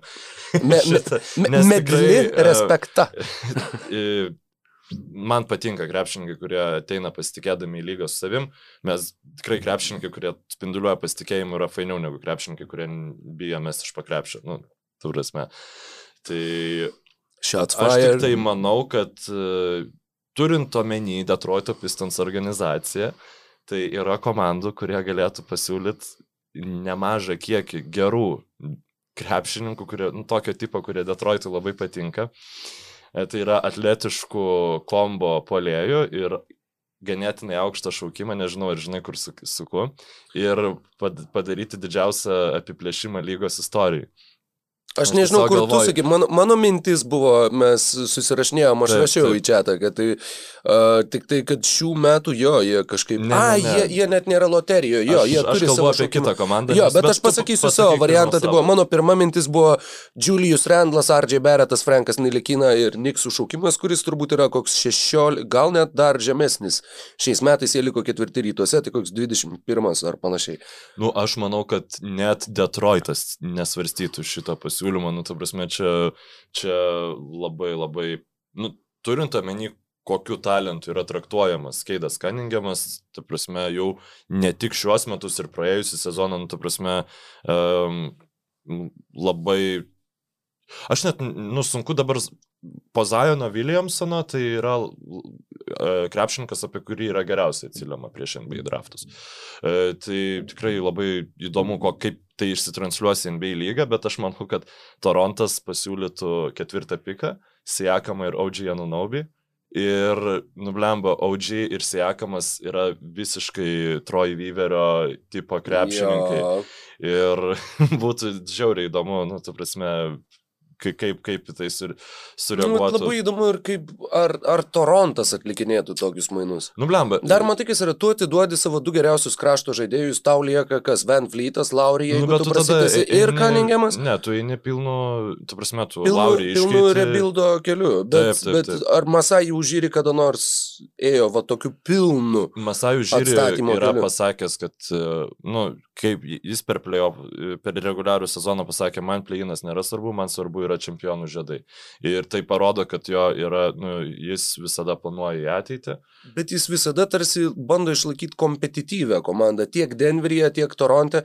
Jo filosofija yra, kad mes turim pakankamai nu, kompetityvę komandą ir tuo pačiu auginamės tuos jaunus talentus. Tu kaip ir neturi kažkokių super talentų jaunų, bet tu vat, iš tų, ką susirinkai, va, visi Van Vlytai ir tas pats Jakamas buvo 19 šaukimas.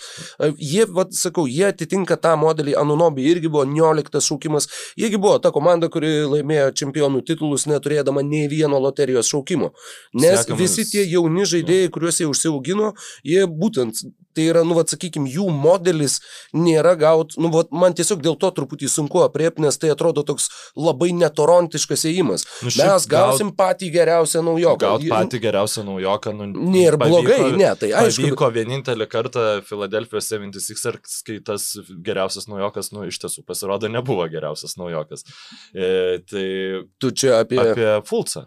Kalbu. Nu, ta prasme, kad mm. šiaip išsitreidint pirmą, pirmą šauką e, biržoj, kuomet tas pirmas šaukimas yra nu, taip liausinamas, kaip yra liausinamas Keidas Kaningamas, dažniausiai ne, ne, nėra įmanoma, nes komandos, kurios yra toj pozicijoje, jos tiesiog nu, nelabai jom yra tikslo. Ir aš, pavyzdžiui, iš Detroito pusės, nu, aš neįsivaizduoju, kokie mainai turėtų būti, kad jie sutiktų. Aš, pavyzdžiui, iš Detroito pusės į Toronto mainus nesutikčiau, nes Jakamas parodė, kad jisai, nu, jis netves tavo komandos iki čempionų žiedų. Tau reikia, tau reikia surasti, susirasti pirmiausia tą krepšininką, kuris galėtų atvest komandą iki čempionų žiedų ir tada ieškoti Jakamo, tada ieškoti Audžiai ir taip toliau, ir taip toliau. Ir mano nors aš myliu abu šios krepšininkus, tikrai esu absoliutus jų fanas, aš pavyzdžiui, nu, norėčiau, kad Torontas pabandytų gauti va tą krepšininką, aplink kurį jie paskui galėtų pagal Bet, savo tai, patikrintą -huh. formulę su, sukomplektuoti iš kitų klubų neįvertintų žaidėjų kompetityvę sudėti ir taip laimėti vėl žiedus. Tu pradėjai šitą pokalbį apie loteriją nuo to, kad šitoj loterijoje yra keturi krepšininkai, na, penki, tu sakei, aš patikslinau, kad man atrodo keturi, bet, bet jeigu yra keturi ir visi turi All NBA potencialą, tai ar tikrai tau reikia aukoti savo du geriausius žaidėjus vardant to vieno, kuris galbūt turi kažkiek aukštesnį potencialą. Plus, va dabar va, atsidariau tiesiog prastimuliuoti atsiminimus, e, pastarosios aštuonios biržos, keturi iš tų, atsiprašau, penki iš tų šaukimų dar nėra žaidę visų žvaigždžių rungtynėse, pirmų šaukimų.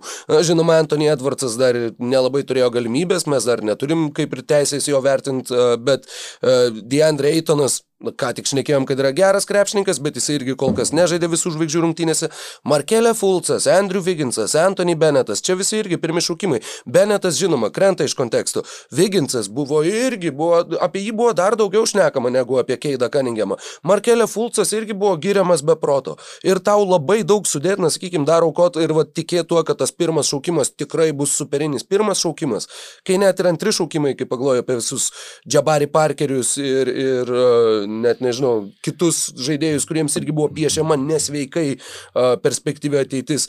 Na, sakau, kažkaip, nu, vat, jeigu, jeigu Torontas turėtų, jeigu tas šūkimas būtų, nežinau, aštuntas, tarkim, tuomet man tai skambėtų kaip mažesnė kiek uh, rizika tuo atžvilgiu, kad, na, sakykime, ta kaina, kurią tu sumokėtum su ketvirtu šaukimu, jau atrodo truputėlį per didelė. Man, vad būtent uh, tame, tame pasiūlyme, kurį tu sudėlioji, jį galima žinoma sudėlioti kitaip, galbūt ten vietoj OG Anunobi būtų kažkas kitas, arba jo, vietoj Sekman būtų kažkas OG kitas. Tai yra mano mėgstamiausias lygos krepšininkas, aš tai nenorėčiau, kad jį iš, išmainytų, bet šiaip tiesiog e, aš ko jau ko, bet Raptors talentų įvertinimu tikrai šiaip pasitikiu. Ir aš manau, kad jeigu jie, pavyzdžiui, atliktų tokius mainus, tai jie akivaizdžiai manį, nu, mhm. matytų, kad jo, tai, keturi tai...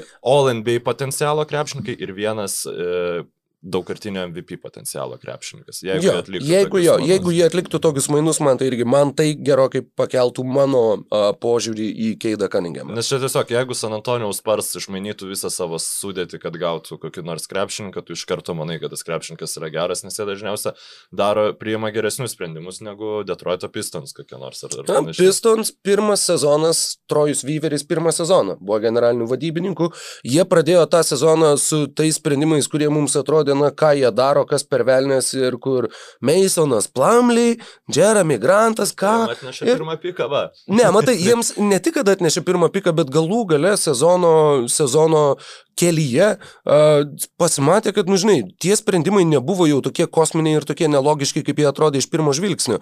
Ir Pistons turi pakankamai solidų pamatą ir jie turi jaunų talentų, jie turi tą sudėtį, kuri, na, yra, sakykime, nu, va, toks, toks pirmas laiptelis, atrodo, kad jo, kažkas jau nuo ko tu gali pradėti lipdyti.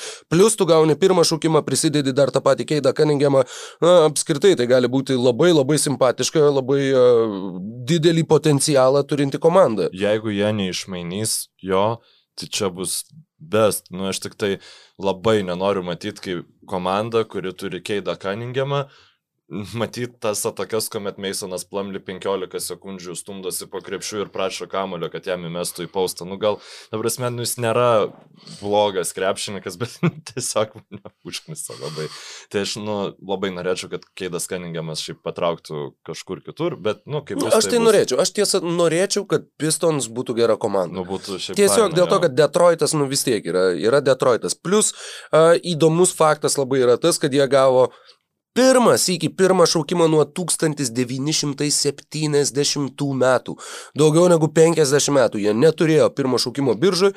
70-ais jie pasikvietė kažkurį iš tų centrų, kur ten ilgai žaidė, buvo All Staras ir aš neatsimenu jo vardo, jis buvo baltas didžiulis centras. Uh, anyway, uh, Negana to, tai yra pirmas kartas, pirmas kartas jų klubo istorijoje, kai loterijos naktį jie pakilo į viršų. Uh, kai jie bent jau nu, vat, pakliuvo į tą, kaip anksčiau būdavo top 3 klubo istoriją. Kai mes turim Klyvlendą, kuris kiekvienais metais tai. pakyla į viršų ir tai. šiemet vėl dviem pozicijom pakyla į viršų. Nu, tipo, ar Cavaliarsai yra blogiausiai draftinanti komanda šiaip lygos istorijoje? Ne.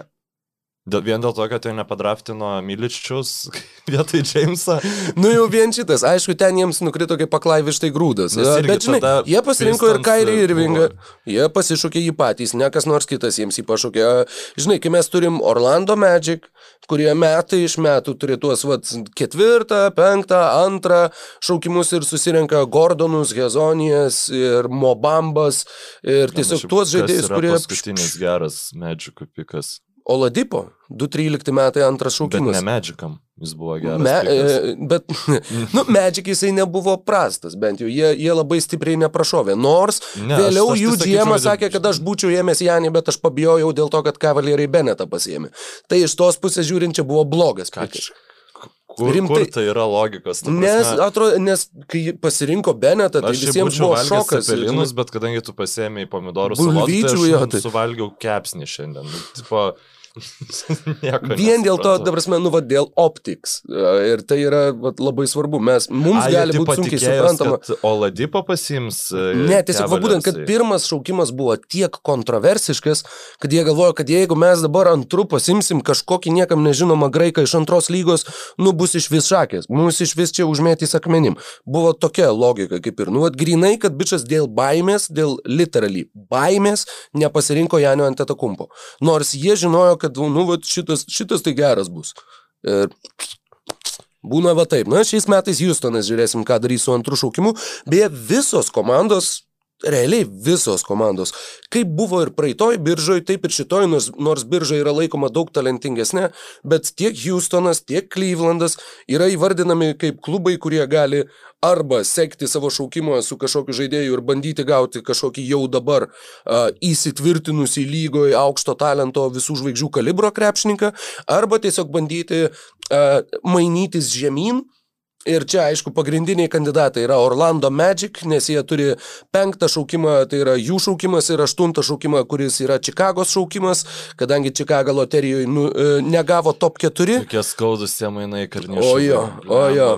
Šiaip, e, manau, kad greitų metų mes pradėsim. Ta prasme, Karnišovas yra vienas iš realiausių kandidatų kitą sezoną būti be darbo iš dabartinių džiemų.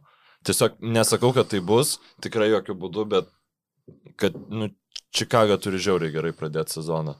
Ir jie turi papult būtinai į playoffus, nes jeigu... Nu, jo, jie tiesiog jie net nepradėto turi turėti gerą sezoną, nes gerai pradėti, nu, nu tai jo, dar nereikia. Vidury sezono niekas net leidinėja. Jo, tikrųjų, jo. Tavo tiesa. Uh, ir jo, ir tie mainai iš tikrųjų, nu, vat, Atrodė, kad klubas yra pribrendęs mainams ir kad bandys gauti kažkokią žvaigždę. Ir kai jie atliko tuos mainus... Mes nekritikavome. Jo, sakėm, aš prisidėjęs super. ranką ant širdies galiu sakyti, kad wow, fantastiškas įimas, labai gerai ir kaip jie čia gerai, na, žodžiu, vat, gavo visų žvaigždžių krepšininką. Taip tikrai atrodė tą akimirką, o šiandien atrodo... Au, nereikėjo. Ir dar jie duos kilintų, 223, irgi berots top 3 apsaugota. Ir dar vieną pirmo rato šaukimą, kad jie atidavė šitą ir dar du ateities pirmo rato šaukimus. Nu, čia aš dabar, žinok, net nebeatsimenu. Bet... Aš galiu tuoj patikrinti dėl šventos ramybės. Kol sutikrinė, aš tiesiog norėčiau pasidžiaugti e, savo palaikomais Toronto Raptors, kurie priėmė, nu, gal net negalėčiau sakyti, kad taip akivaizdžiai priėmė, bet e, tas Toronto Raptors sezonas buvo toksai, kad vis bandė, bandė užsikabinti, nepavyko, traumos, COVID pandemija e, komandos viduje, šiaip nesėkminga sezono pradžia lėmė tai, kad jie na, negalėjo suburti konkurencingo brandolio.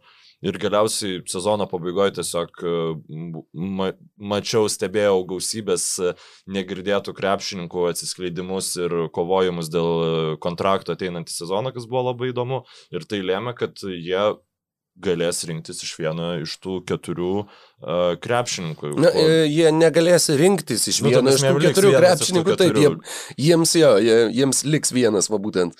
Uh, du, atsiprašau, viso šaukimai, 2.21 ir 23 Bulls šaukimus mhm. atidavė uh, Orlando Magic ir 23, man atrodo, irgi yra apsaugotas berots top 3 uh, pasirinkimams. Tad... Taip, Įdomus šiaip draftai, mm, vis, visos beveik komandos, kurios yra top 4 išskyrus Houstoną, e, gavo geresnės pozicijas negu buvo prognozuojama prieš loteriją. Tiesiog priminsiu, kad tiek Detroito, tiek Orlando, tiek Houstono šansai gauti pirmą piką buvo vienodi po 14 procentų. O labiausiai pakilo būtent biržoje Torontas, labiausiai nepasisekė, kaip ir minėjau, Oklahomai, na ir uh, Ir iš tikrųjų Orlandui, turint omeny tiesiog, kad jie, na taip, jie gavo ir Čikagos piką, bet tas neturėjimas Nu, tu, prasme, tu, kuo tu, jie tu turi žemesnį 3, piką, tuo mažiau šansų, kad jie jo, susimaus. Bet yra dar dvi komandos, kurios, kurioms mano manimu nepasisekė dar labiau. Tai visų pirma, Čikagai. Tu galėjai Taip. turėti tą šaukimą, jeigu jisai būtų išlikęs, vat, nu, tiksliau būtų pakilęs. Ir kita komanda yra Nu, po galais, tu beveik visą sezoną buvai beviltiškai blogiausia komanda visoji lygoje ir šitoj biržoje šiais metais Minnesotos Timberwolves net neturi savo šaukimo dėl to, kad turi D'Angelo Russellą savo komandai. Va čia yra irgi labai labai skaudžiai, kai, nu, nu jo, nu, tu turi Edwardsą, nu, jisai galbūt paauks, nu jo, tu gali tikėtis progreso, bet, nu, tau bent jau ten turėt kelintas, brūs, septintas šaukimas, kurį gauna Warriors, Warriors turės septintą ir keturioliktą, viena iš tų dviejų komandų, kurios turi du top 14 šaukimus arba du loterijos šaukimus. Tad labai, na, na, Dar vieni mainai, kurie, žinai, jie iš dalies buvo atlikti todėl, kad Karl Anthony Townsas būtų patenkintas Minnesotoje, bet Nu, tikiuosi, kad jis yra labai... žaidėjų dudelė. Jo, ir ypač, kai tie žaidėjai nėra, nėra net playoffų serijos laimėję ne vienos karjerui. Ir e, tema, apie kurią mes norėjom pakalbėti, ir Andrius e, užduoda ją klausimą, tai manau, reikia paminėti, tai, ką jūs moriai vietoj darytumėt? Ar ištreidintumėt Simonsą, tai Rokai? Kaip tu vertini šitą krepšininką, kokius tu matai scenarius ir kokia tu manai, kad yra Simonso ateitis Filadelfijoje? Aš dar prieš tai noriu labai e, padėkoti Dominikui, jisai labai teisingai priminė, Roisas White'as buvo tas žaidėjas, kuris bijojo skraidyti ir irgi žaidė Sixers e, proceso komandoje. Benas Simonsas. Uh. Taip, kaip jo. tikras Filadelfijos fanas. Pasakyt. Ne, žinok, jeigu būčiau tikras Filadelfijos fanas, būtų keiksmažodžių tai rado buvus, o ne šitas, kur... Na, na matai, um, ar jį išmainyti? Aš manau, kad jie norėtų jį išmainyti. Ar jie gaus adekvatų pasiūlymą, tiksliau, ar jie gaus pasiūlymą, kuris atspindėtų tai, kaip jie mato Beno Simonso vertę. Uh, Aš labai abejoju. Klausiausi specialiai vieno iš naujausių No Dunks podcast'o epizodų, tinklalaidės epizodų, kurie aš nekėjo būtent apie, apie Beną Simonsą.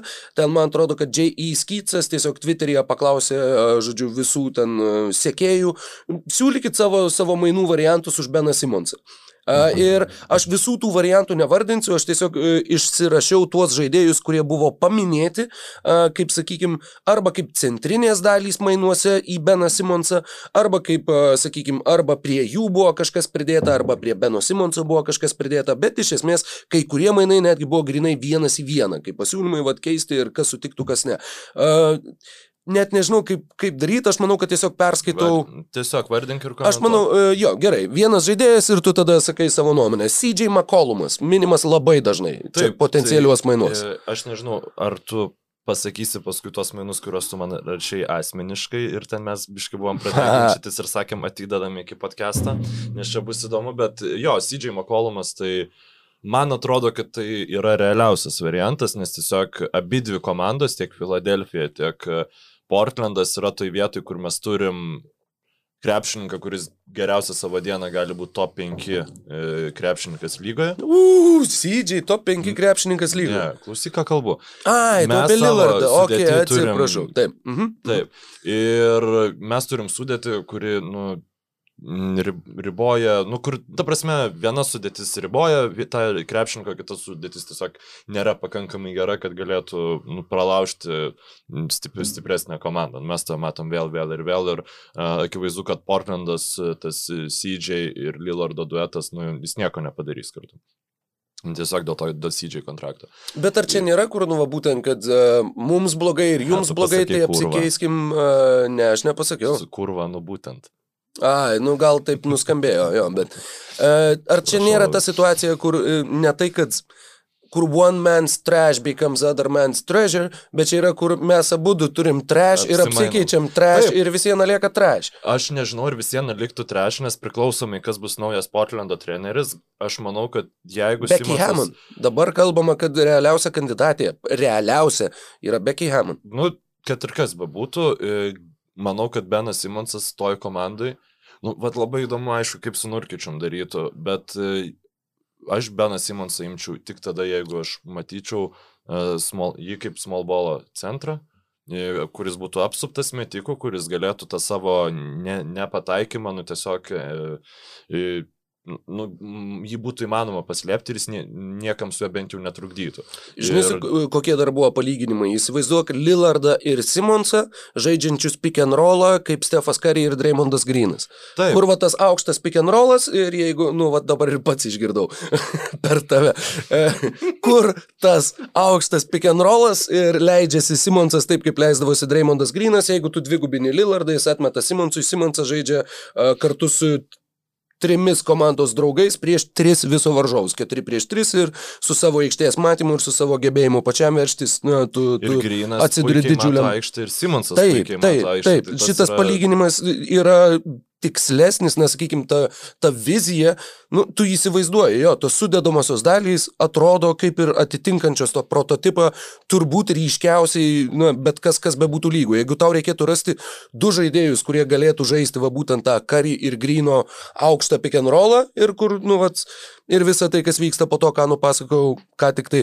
Tai Lillardas ir Simonsas turbūt būtų pats, pats, na, artimiausias duetas tam. Ir čia, žinai, aš kam prilyginčiau, aš prilyginčiau uh, Rocketsų, uh, nu, šitokį traidą iš Portlando pusės, prilyginčiau uh, Rocketsų įimus Super Small. Nu, ta prasme, praėjusią sezoną, kur niekas nesakė, kad, va, taip, čia žiauriai gerai, jūs tikrai uh, laimėsit lygą su šitu, su šitu penketu, bet buvo tiesiog sakoma, nu, aš taip sakiau, labai gerai, nes akivaizdu, kad taip, kaip jūs žaidėte likščioliai, jūs negalite laimėti. Ir galbūt čia yra antiek kitaip, kad galbūt gali kažkas pavykti. Na, nepavyko, tai nepavyko, bet bandyti verta. Ir čia vat būtų tas toksai pabandymas. Nurkičius jisai labai gerai vertinamas yra ir tu gali gauti solidų wing playerį. Aš nežinau, iš kur, žinai, gal, nu, kažką tikrai galima būtų sugalvoti, kas ten papildytų ir pagaliau gal turėtų tą normaliai besiginančią rotaciją, o reguliariam sezonė Enesas Kanteris. Nu, nu, ta prasme, reguliariam sezonė centrą surasti nėra lengva, bet tikrai būtų įmanoma. Ir, ir mes tada matytumėm visiškai kitokius blazerius. O man šiaip labai patinka, kaip Tairysas Meks atrodo su Žueliu Ambidu aikšte ir man CJ McCollumo žaidimas Meks šiaip yra labai panašus polime. Tiesiog žymiai aukštesniam lygiai dabar. Tai aš manau, kad irgi ten jis turi tų savo minusų ir taip toliau, bet e, būtų tas toksai Bet jeigu tu turi Maxi, tu turi Curry, tu Ne, turi McCollumą. Kari, Nu, nebent Kari McCollumui visiškai netrukdo, nes Kari tiesiog yra elitinis metikas ir jis Tai, kamulio. aš labiau žiūriu į gynybą.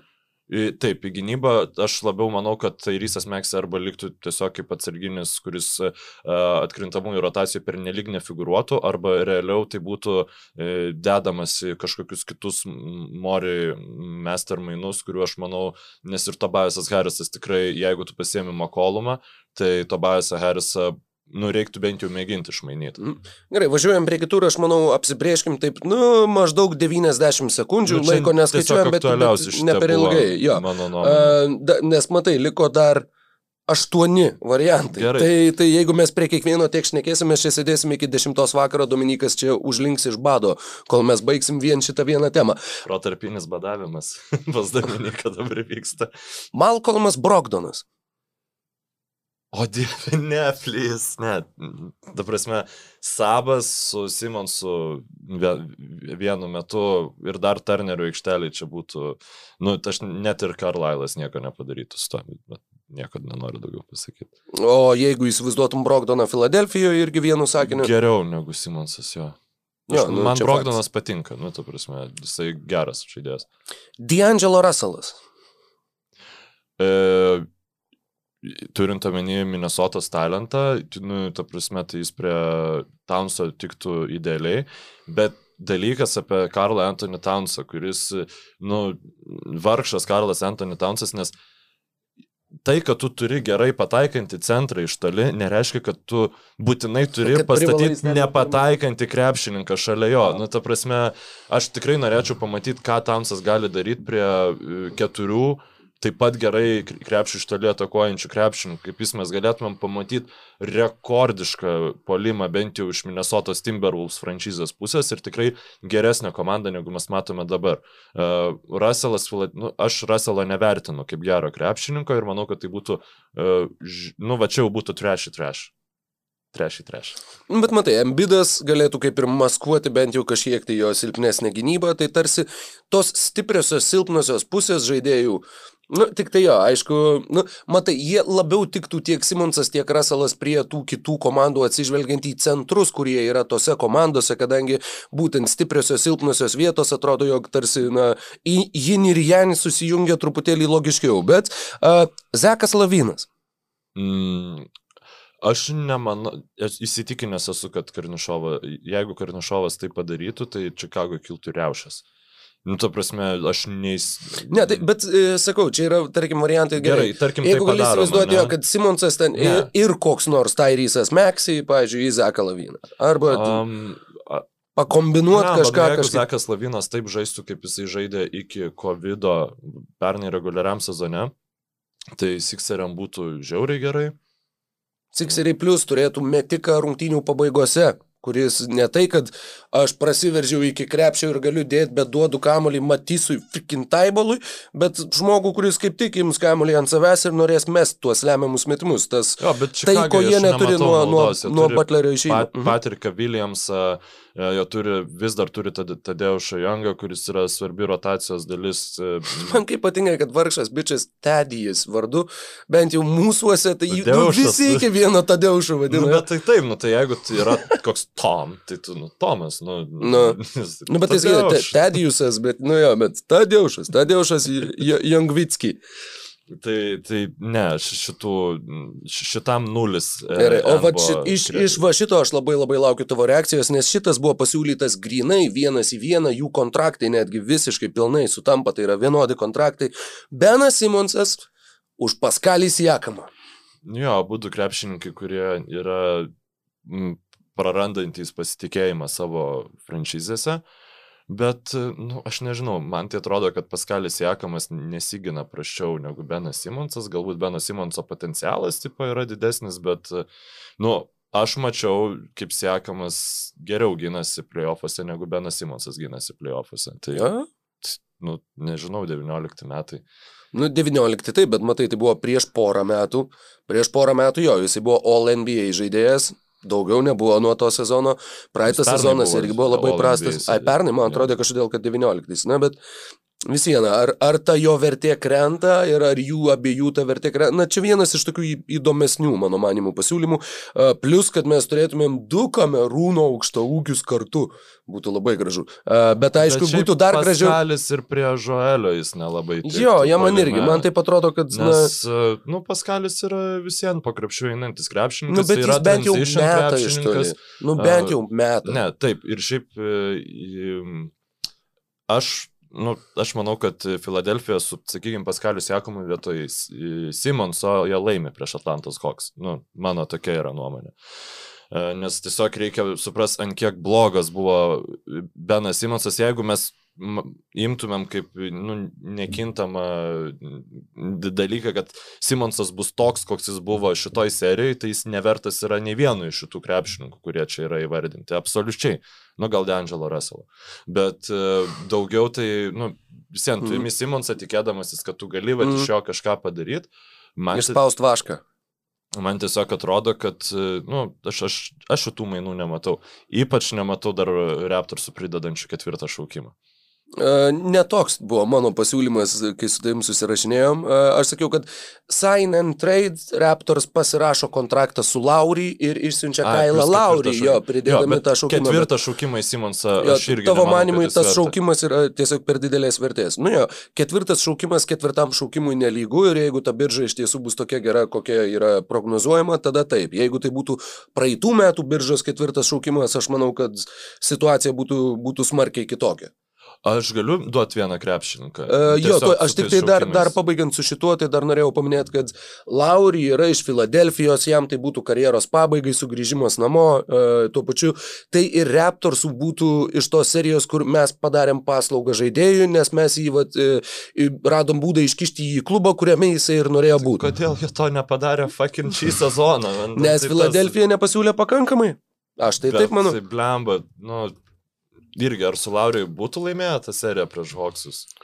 Jo. Nu, čiū, jo, būtų, nu jo. tikrai, nes tu tada gali Simonsui iš vis, ne, nu, drąsiai neleisti, palikti kaip atsarginį, nu, daugiau, bet kita vertus visien Riversas jos treniruotų, tai visien ten būtų turbūt radęs, kaip sugadinti viską. Nu, kokie pas tave kiti sąrašai? Uh, gerai, kelis dar, jo, matau, kad dar, dar Andrius e, rašo, nepamirškit, kad šalia Mokolomo Sixers dar kokį ir Covingtoną gautų, kas iš vis būtų pasiūlymas, kurio negalima atsisakyti. Nu taip, jeigu jie gautų dar ir Covingtoną, tai žinoma, bet... Nu... Bet jo, tada ir Portlandui, ar tikrai tu nori tiek daug atiduoti, bet, bet Sero Lordo Covingtono sugrįžimas namo būtų irgi visai gražu. Bet, uh, kitas žaidėjas, jo, irgi čia yra, nu atsakau, tai, tai Čia nėra ta situacija, kur yra vienas į vieną, čia turbūt irgi kažkas kažką kažkur klyjoja, bet tiesiog nu, vat, mainai pastatyti aplinkui Beną Simonsą ir Kristapą Porzingį. Nu, jeigu Karlailas treniruotų Meveriksus, tai man labai patiktų šitas, nes aš matyčiau crazy visokių dalykų, kuriuos jis ten gali padaryti. Ir Nu, bet lemba, ne, žinok, kaž, kaž, kažkaip e, į Filadelfijos vietoj to nedaryčiau. Nes, nu, Porzingio turbūt e, vertė turbūt panašiai sparčiai krenta kaip Benas Simonso. Nu, aišku, kita vertus, e, sakykime, kaip įmes iš pakrepšio prieš Embidą ir Porzingį, bent dalinai sveika, tai aš neįsivaizduoju. Bet va čia va yra dar viena sudėdamoji dalis. Bet prieš netus tu nepažaisi, nu reikia galvoti apie Brooklyn. Dar, dar reikia galvoti apie tai, kad nu, Embidas nežais kiek, kokių 15 rungtynių per sezoną, Porzingis nežais greičiausiai kokių 20-25. Jeigu tavo du pagrindiniai žaidėjai nežais kartu kokiuose 15 rungtynių arba playoffų kažkuriuose rungtynėse, Tai, na, yeah. tu, tu turi atlikdamas mainus, jeigu tu išsiųsi Simonsą ieškoti žaidėjo, kuris irgi turėtų labai gerą lygos istoriją, žinai, kuris e, būtų labai sveikas. Net ir neturėtų lygos knygutės išsiųsti. Jo, nu, bet, bet e, kartais ir su Hardenu būna taip, kad va, visą karjerą tu neturi traumos, taigi, nu, aišku, žinom, aplink, ir aplinkybės. Kiti žaidėjai labai, labai, labai greitai. Meveriksai nedaro šitų mainų. Demaras Darozanas. Atsiprašau. Demaras Darozanas, ne. Demaras Darozanas ne, žaidėjas jau įkaupęs į savo trečią dešimtį. Ketvirtą.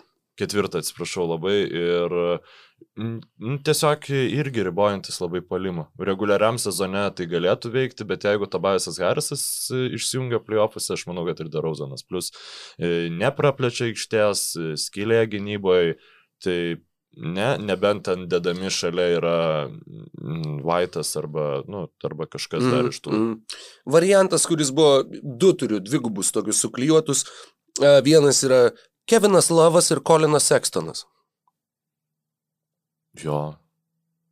Iš abiejų pusių? E, ne, iš, iš Kevelersų su pusės ne, nes Kolinas Sekstonas, nu, jis... Tu tiesiog, tu tada atiduodi turėjo... raktelius Dariusui Garlandui. Jo, bet man kažkaip atrodo, kad vat, galbūt Kevinas Lavas plus Gar Garlandas plus... Um, Lemba, ką jie pasiemė biržoje, dabar neatsimenu. Aizeka Okoro. Va, vat, tokį galbūt surizikuočiau labiau, nors kita vertus Aleną galbūt turės, tai jau Alenas su Simonsu nelabai žiūrisi. Jo, jo, čia Bet tiesa. iš Filadelfijos pusės tai čia būtų puiku, nes tu gauni gynėją, nu, Sekstonas, kuris nu, tikrai mm, rodo didelį talentą, aišku, jis gali niekur nenuvesti, bet nu, tai yra didelį potencialą pasiemė. Plus Kevinas Lavas dabar jis akivaizdžiai eina Karmelo Antonį išmintais takais, kur varomi a, Amerikos rinktinę. Štada Amerikoje būsiu Team USA Love ir visi tada metus laiko kalbės, kad va jis čia šitoj komandai būtų, kai buvo Amerikos rinktiniai, kuomet jie daužė Puerto Riką ir jis ten labai gerai pasavo ir buvo labai visiškas. Prieš Nigeriją sumetė septynis tritaškius. Taip, taip, tai nu, ir, ir taip pat tada kažkas patikės to galiausiai. Tai jis Lavas daro savo, savo rebrandingą, bet Filadelfijai, nu, bent jau pabandyti, man, man šitas patinka. Jo, man irgi, va šitas visai, kur pusės, vat iš iš. Filadelfijos pusės aš manau, kad tu turbūt galiausiai tokie tie manai ir bus, jeigu jie bus, tu gausi tą mm, pažeistą prekę, kažką su dideliu kontraktu ir ko vertė yra labai nukritus, bet ką tu galbūt tiki, kad tu gali atga, atgaivinti ir tuo pačiu kažką, kas potencialiai bent jau tinka greta Joelio Embido ir tuo pačiu kažkokį jauną talentą, kuris e, dar nėra nėra netgi, sakykime, tuo, kur, kur vienu laipteliu žemiau visų žvaigždžių rungtynių, bet galbūt porą laiptelių žemiau, bet atrodo, kad turi potencialo va, tą pasiekti. Tai turbūt toks modelis ir būtų, jeigu tu keistum Beną Simonsą kam nors.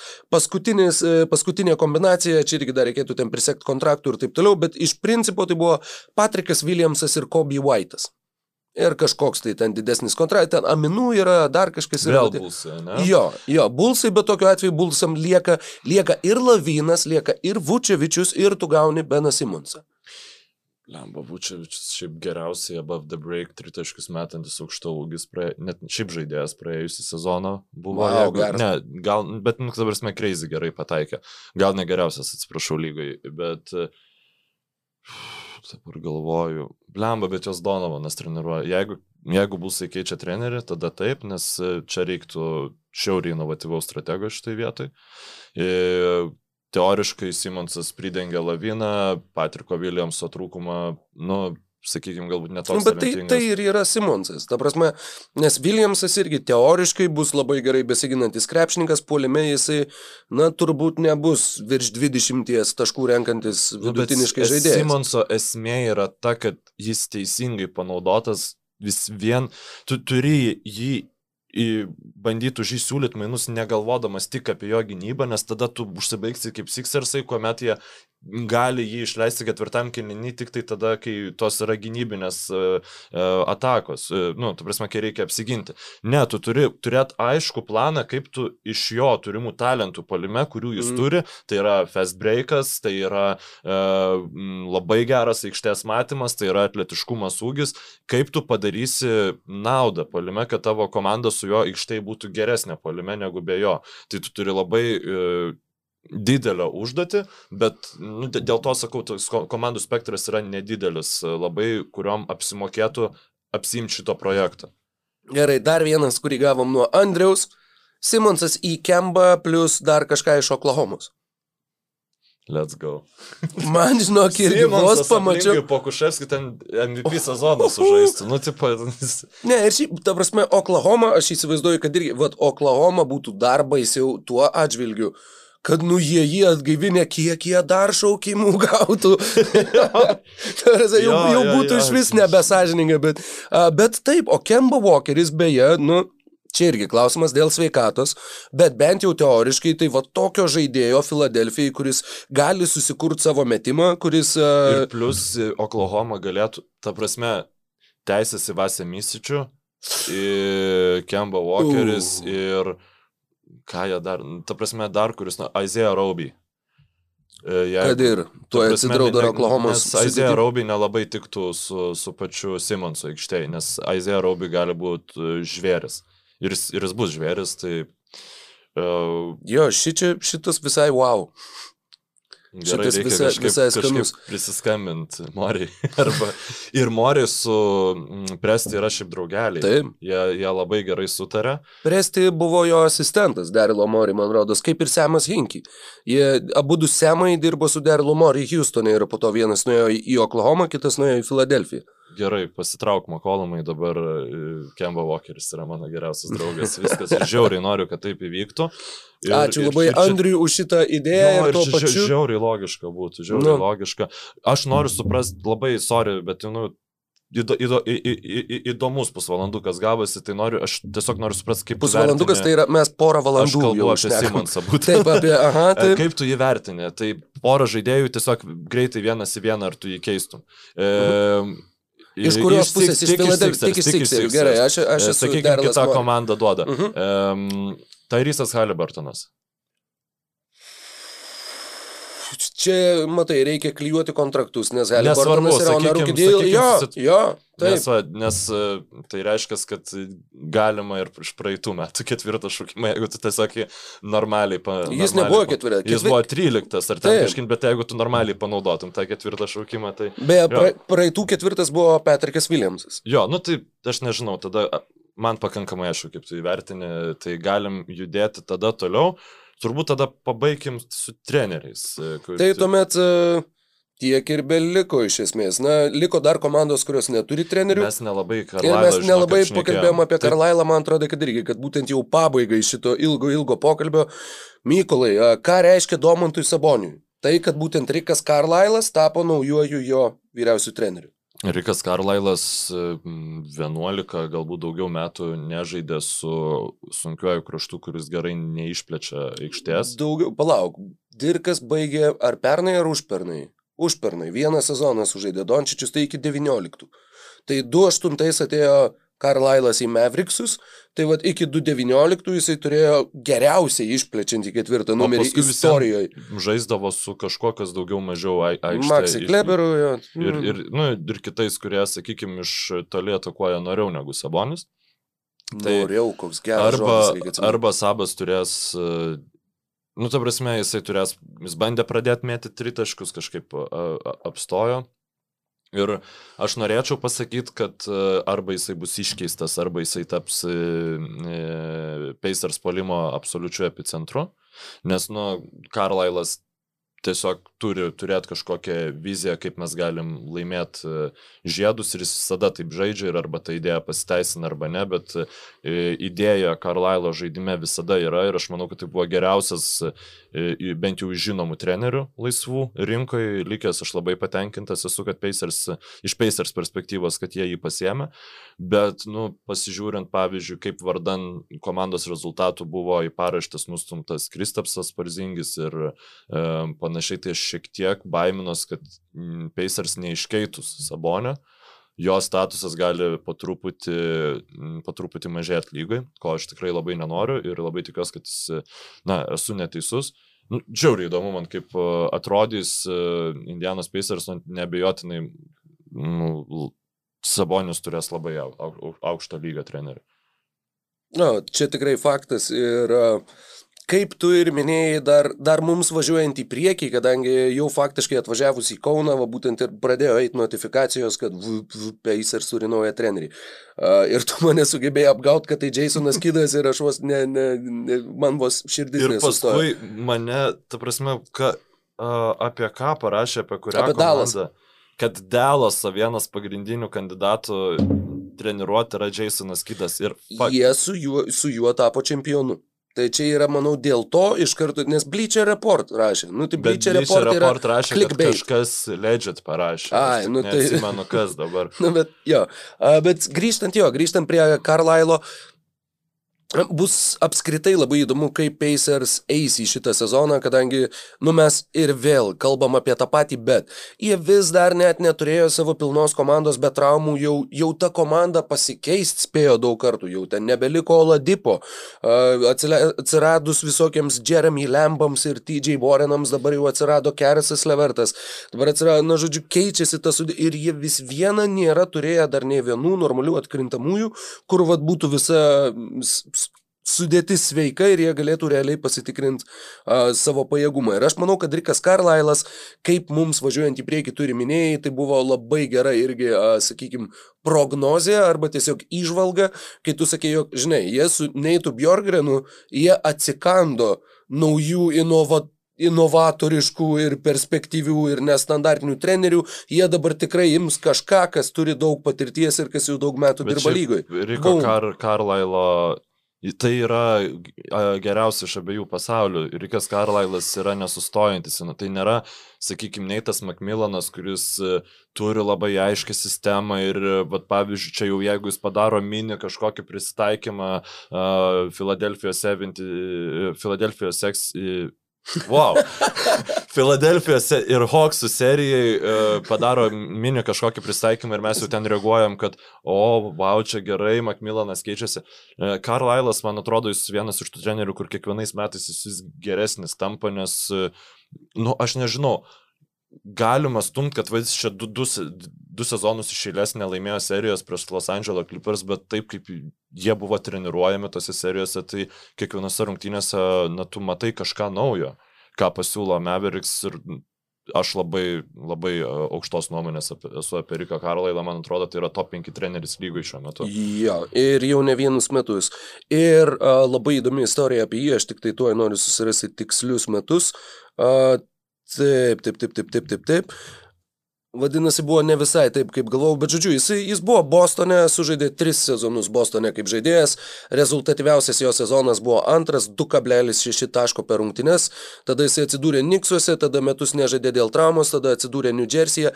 Kaip aš atsiminiau tą istoriją ir kaip būčiau ją pasakojęs, vadinasi, kažkokias detalės sumaišiau, bet kad... Uh, Man atrodo, kad Bostono Celtics jį iškeitė į New Jersey, pasirodo ne visai, bet e, jis pats pasakojo, kad vat, aš buvau New Jersey'e ir e, kad mane pasikvietė maždaug e, klubo ten kažkas, neatsimenu, kažkokia valdyba, ten generalinis vadybininkas ar kažkas, nu ir sako, aš ėjau su, ėjau žinodamas, kad man pasakys, kad, nu, va, ačiū Rikai, tu bandėjai, bet, nu, nesi tu geras krepšininkas, žinai, ir, nu, nu norėjom tau padėkoti už pastangas.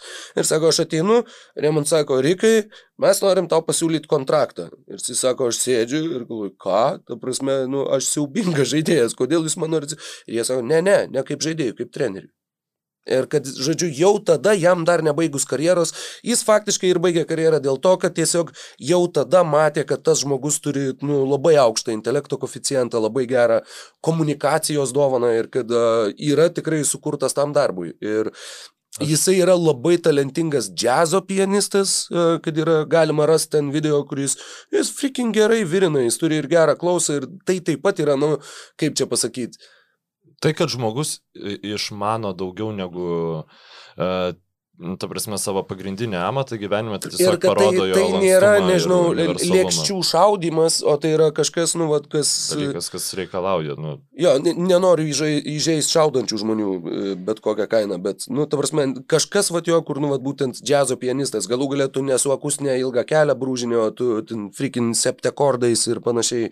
A, žodžiu, tai tikrai yra toks intensyvus protas ir tai, kaip tu sakai, kad jis yra nesustojantis treneris, aš manau, kad tai yra todėl, kad, nu, vat, jis yra iš tų žmonių, kurių aukštas intelektas jiems tiesiog neleidžia sustoti, nes tu negali sustoti, tu turi kažko imtis, nes tavo galvoj visada verda procesai ir tu tiesiog nuprotėtum, jeigu, jeigu neturėtum kuo užsimti. Tai iš tos pusės Labai labai sveikinu Pacers, jie tuo pačiu žino, kas tai per treneris, jie 2003-2004, kai buvo pirmas Carlisle sezonas, man rodos, tai vis dar yra jų geriausias sezonas, 61 pergalė, tai yra jų klubo rekordas. Ir jie ten konferencijos finale pralaimėjo Pistons, 2005 pralaimėjo Pistons, uh, 2006 uh, jau nebeatsimenu net ar buvo, 2007 jie neišėjo atkrintamasis ir jie atleido Karlailą, kuris pats suprato, kad komandai reikia naujo balso ir ten ir panašiai, ir panašiai, ir panašiai. Tad e, sugrįžimas po 14 metų tikrai irgi toks neįlinis, sakyčiau, įvykis NBA.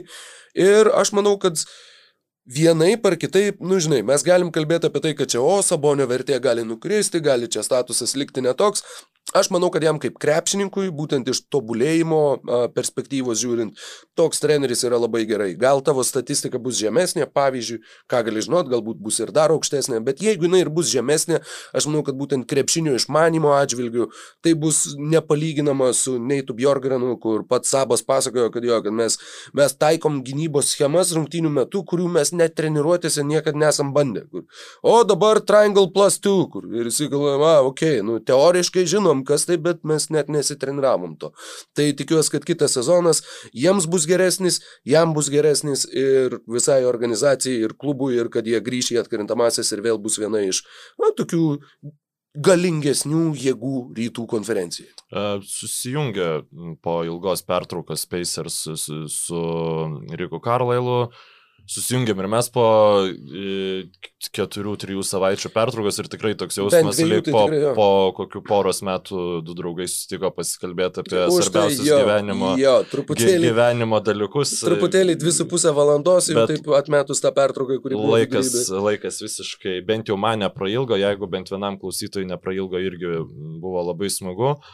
Ačiū tikrai visiems klausantiems, e, įkvėpėt mūsų rokų toliau kalbėti apie tai, apie ką kalbam, eiti į NBA tuo kampu, į kurį, sakykime, galbūt e, net nėra toks populiarus tas kampas, bet e, žinom, kad kažkam tai išlieka aktualu. Ir, ir apskritai, tai... va tai, kad, kad galim, ta prasme, pats NBA nėra kažkoks, nėra dalykas, kur uh, nėra tema, apie kurią tu rinktumai įskalbėti, jeigu tu norėtum, nežinau, uh, būti super populiarus ar užsidirbti baisiai daug pinigų. Tai labai smagu, kad, uh, kad yra ta platforma, kuri mus įsileidžia šnekėti apie tokį nišinį dalyką ir dar dvigubai smagiau, kad yra žmonių, kurie klausosi, kurie žiūri ir kurie kurie, vėliau dar siunčia ir įvairias padėkas uh, už, už tai, ką mes darom. Tai labai labai ačiū Jums. Ir komplimentai Dominikui Repečkai, kuris čia sėdi, klausosi mūsų ir dar ne, neįsidėjau ausinio paklausyti kokią basketinius šiaip podcastą, žinai. Arba Carlisle Jazz Piano videos. Tada ačiū visiems dar sėki, mums tikrai jau, jau laikas baigti uh, šį epizodą, tad susiklausysim kitą kartą. Likite sveiki!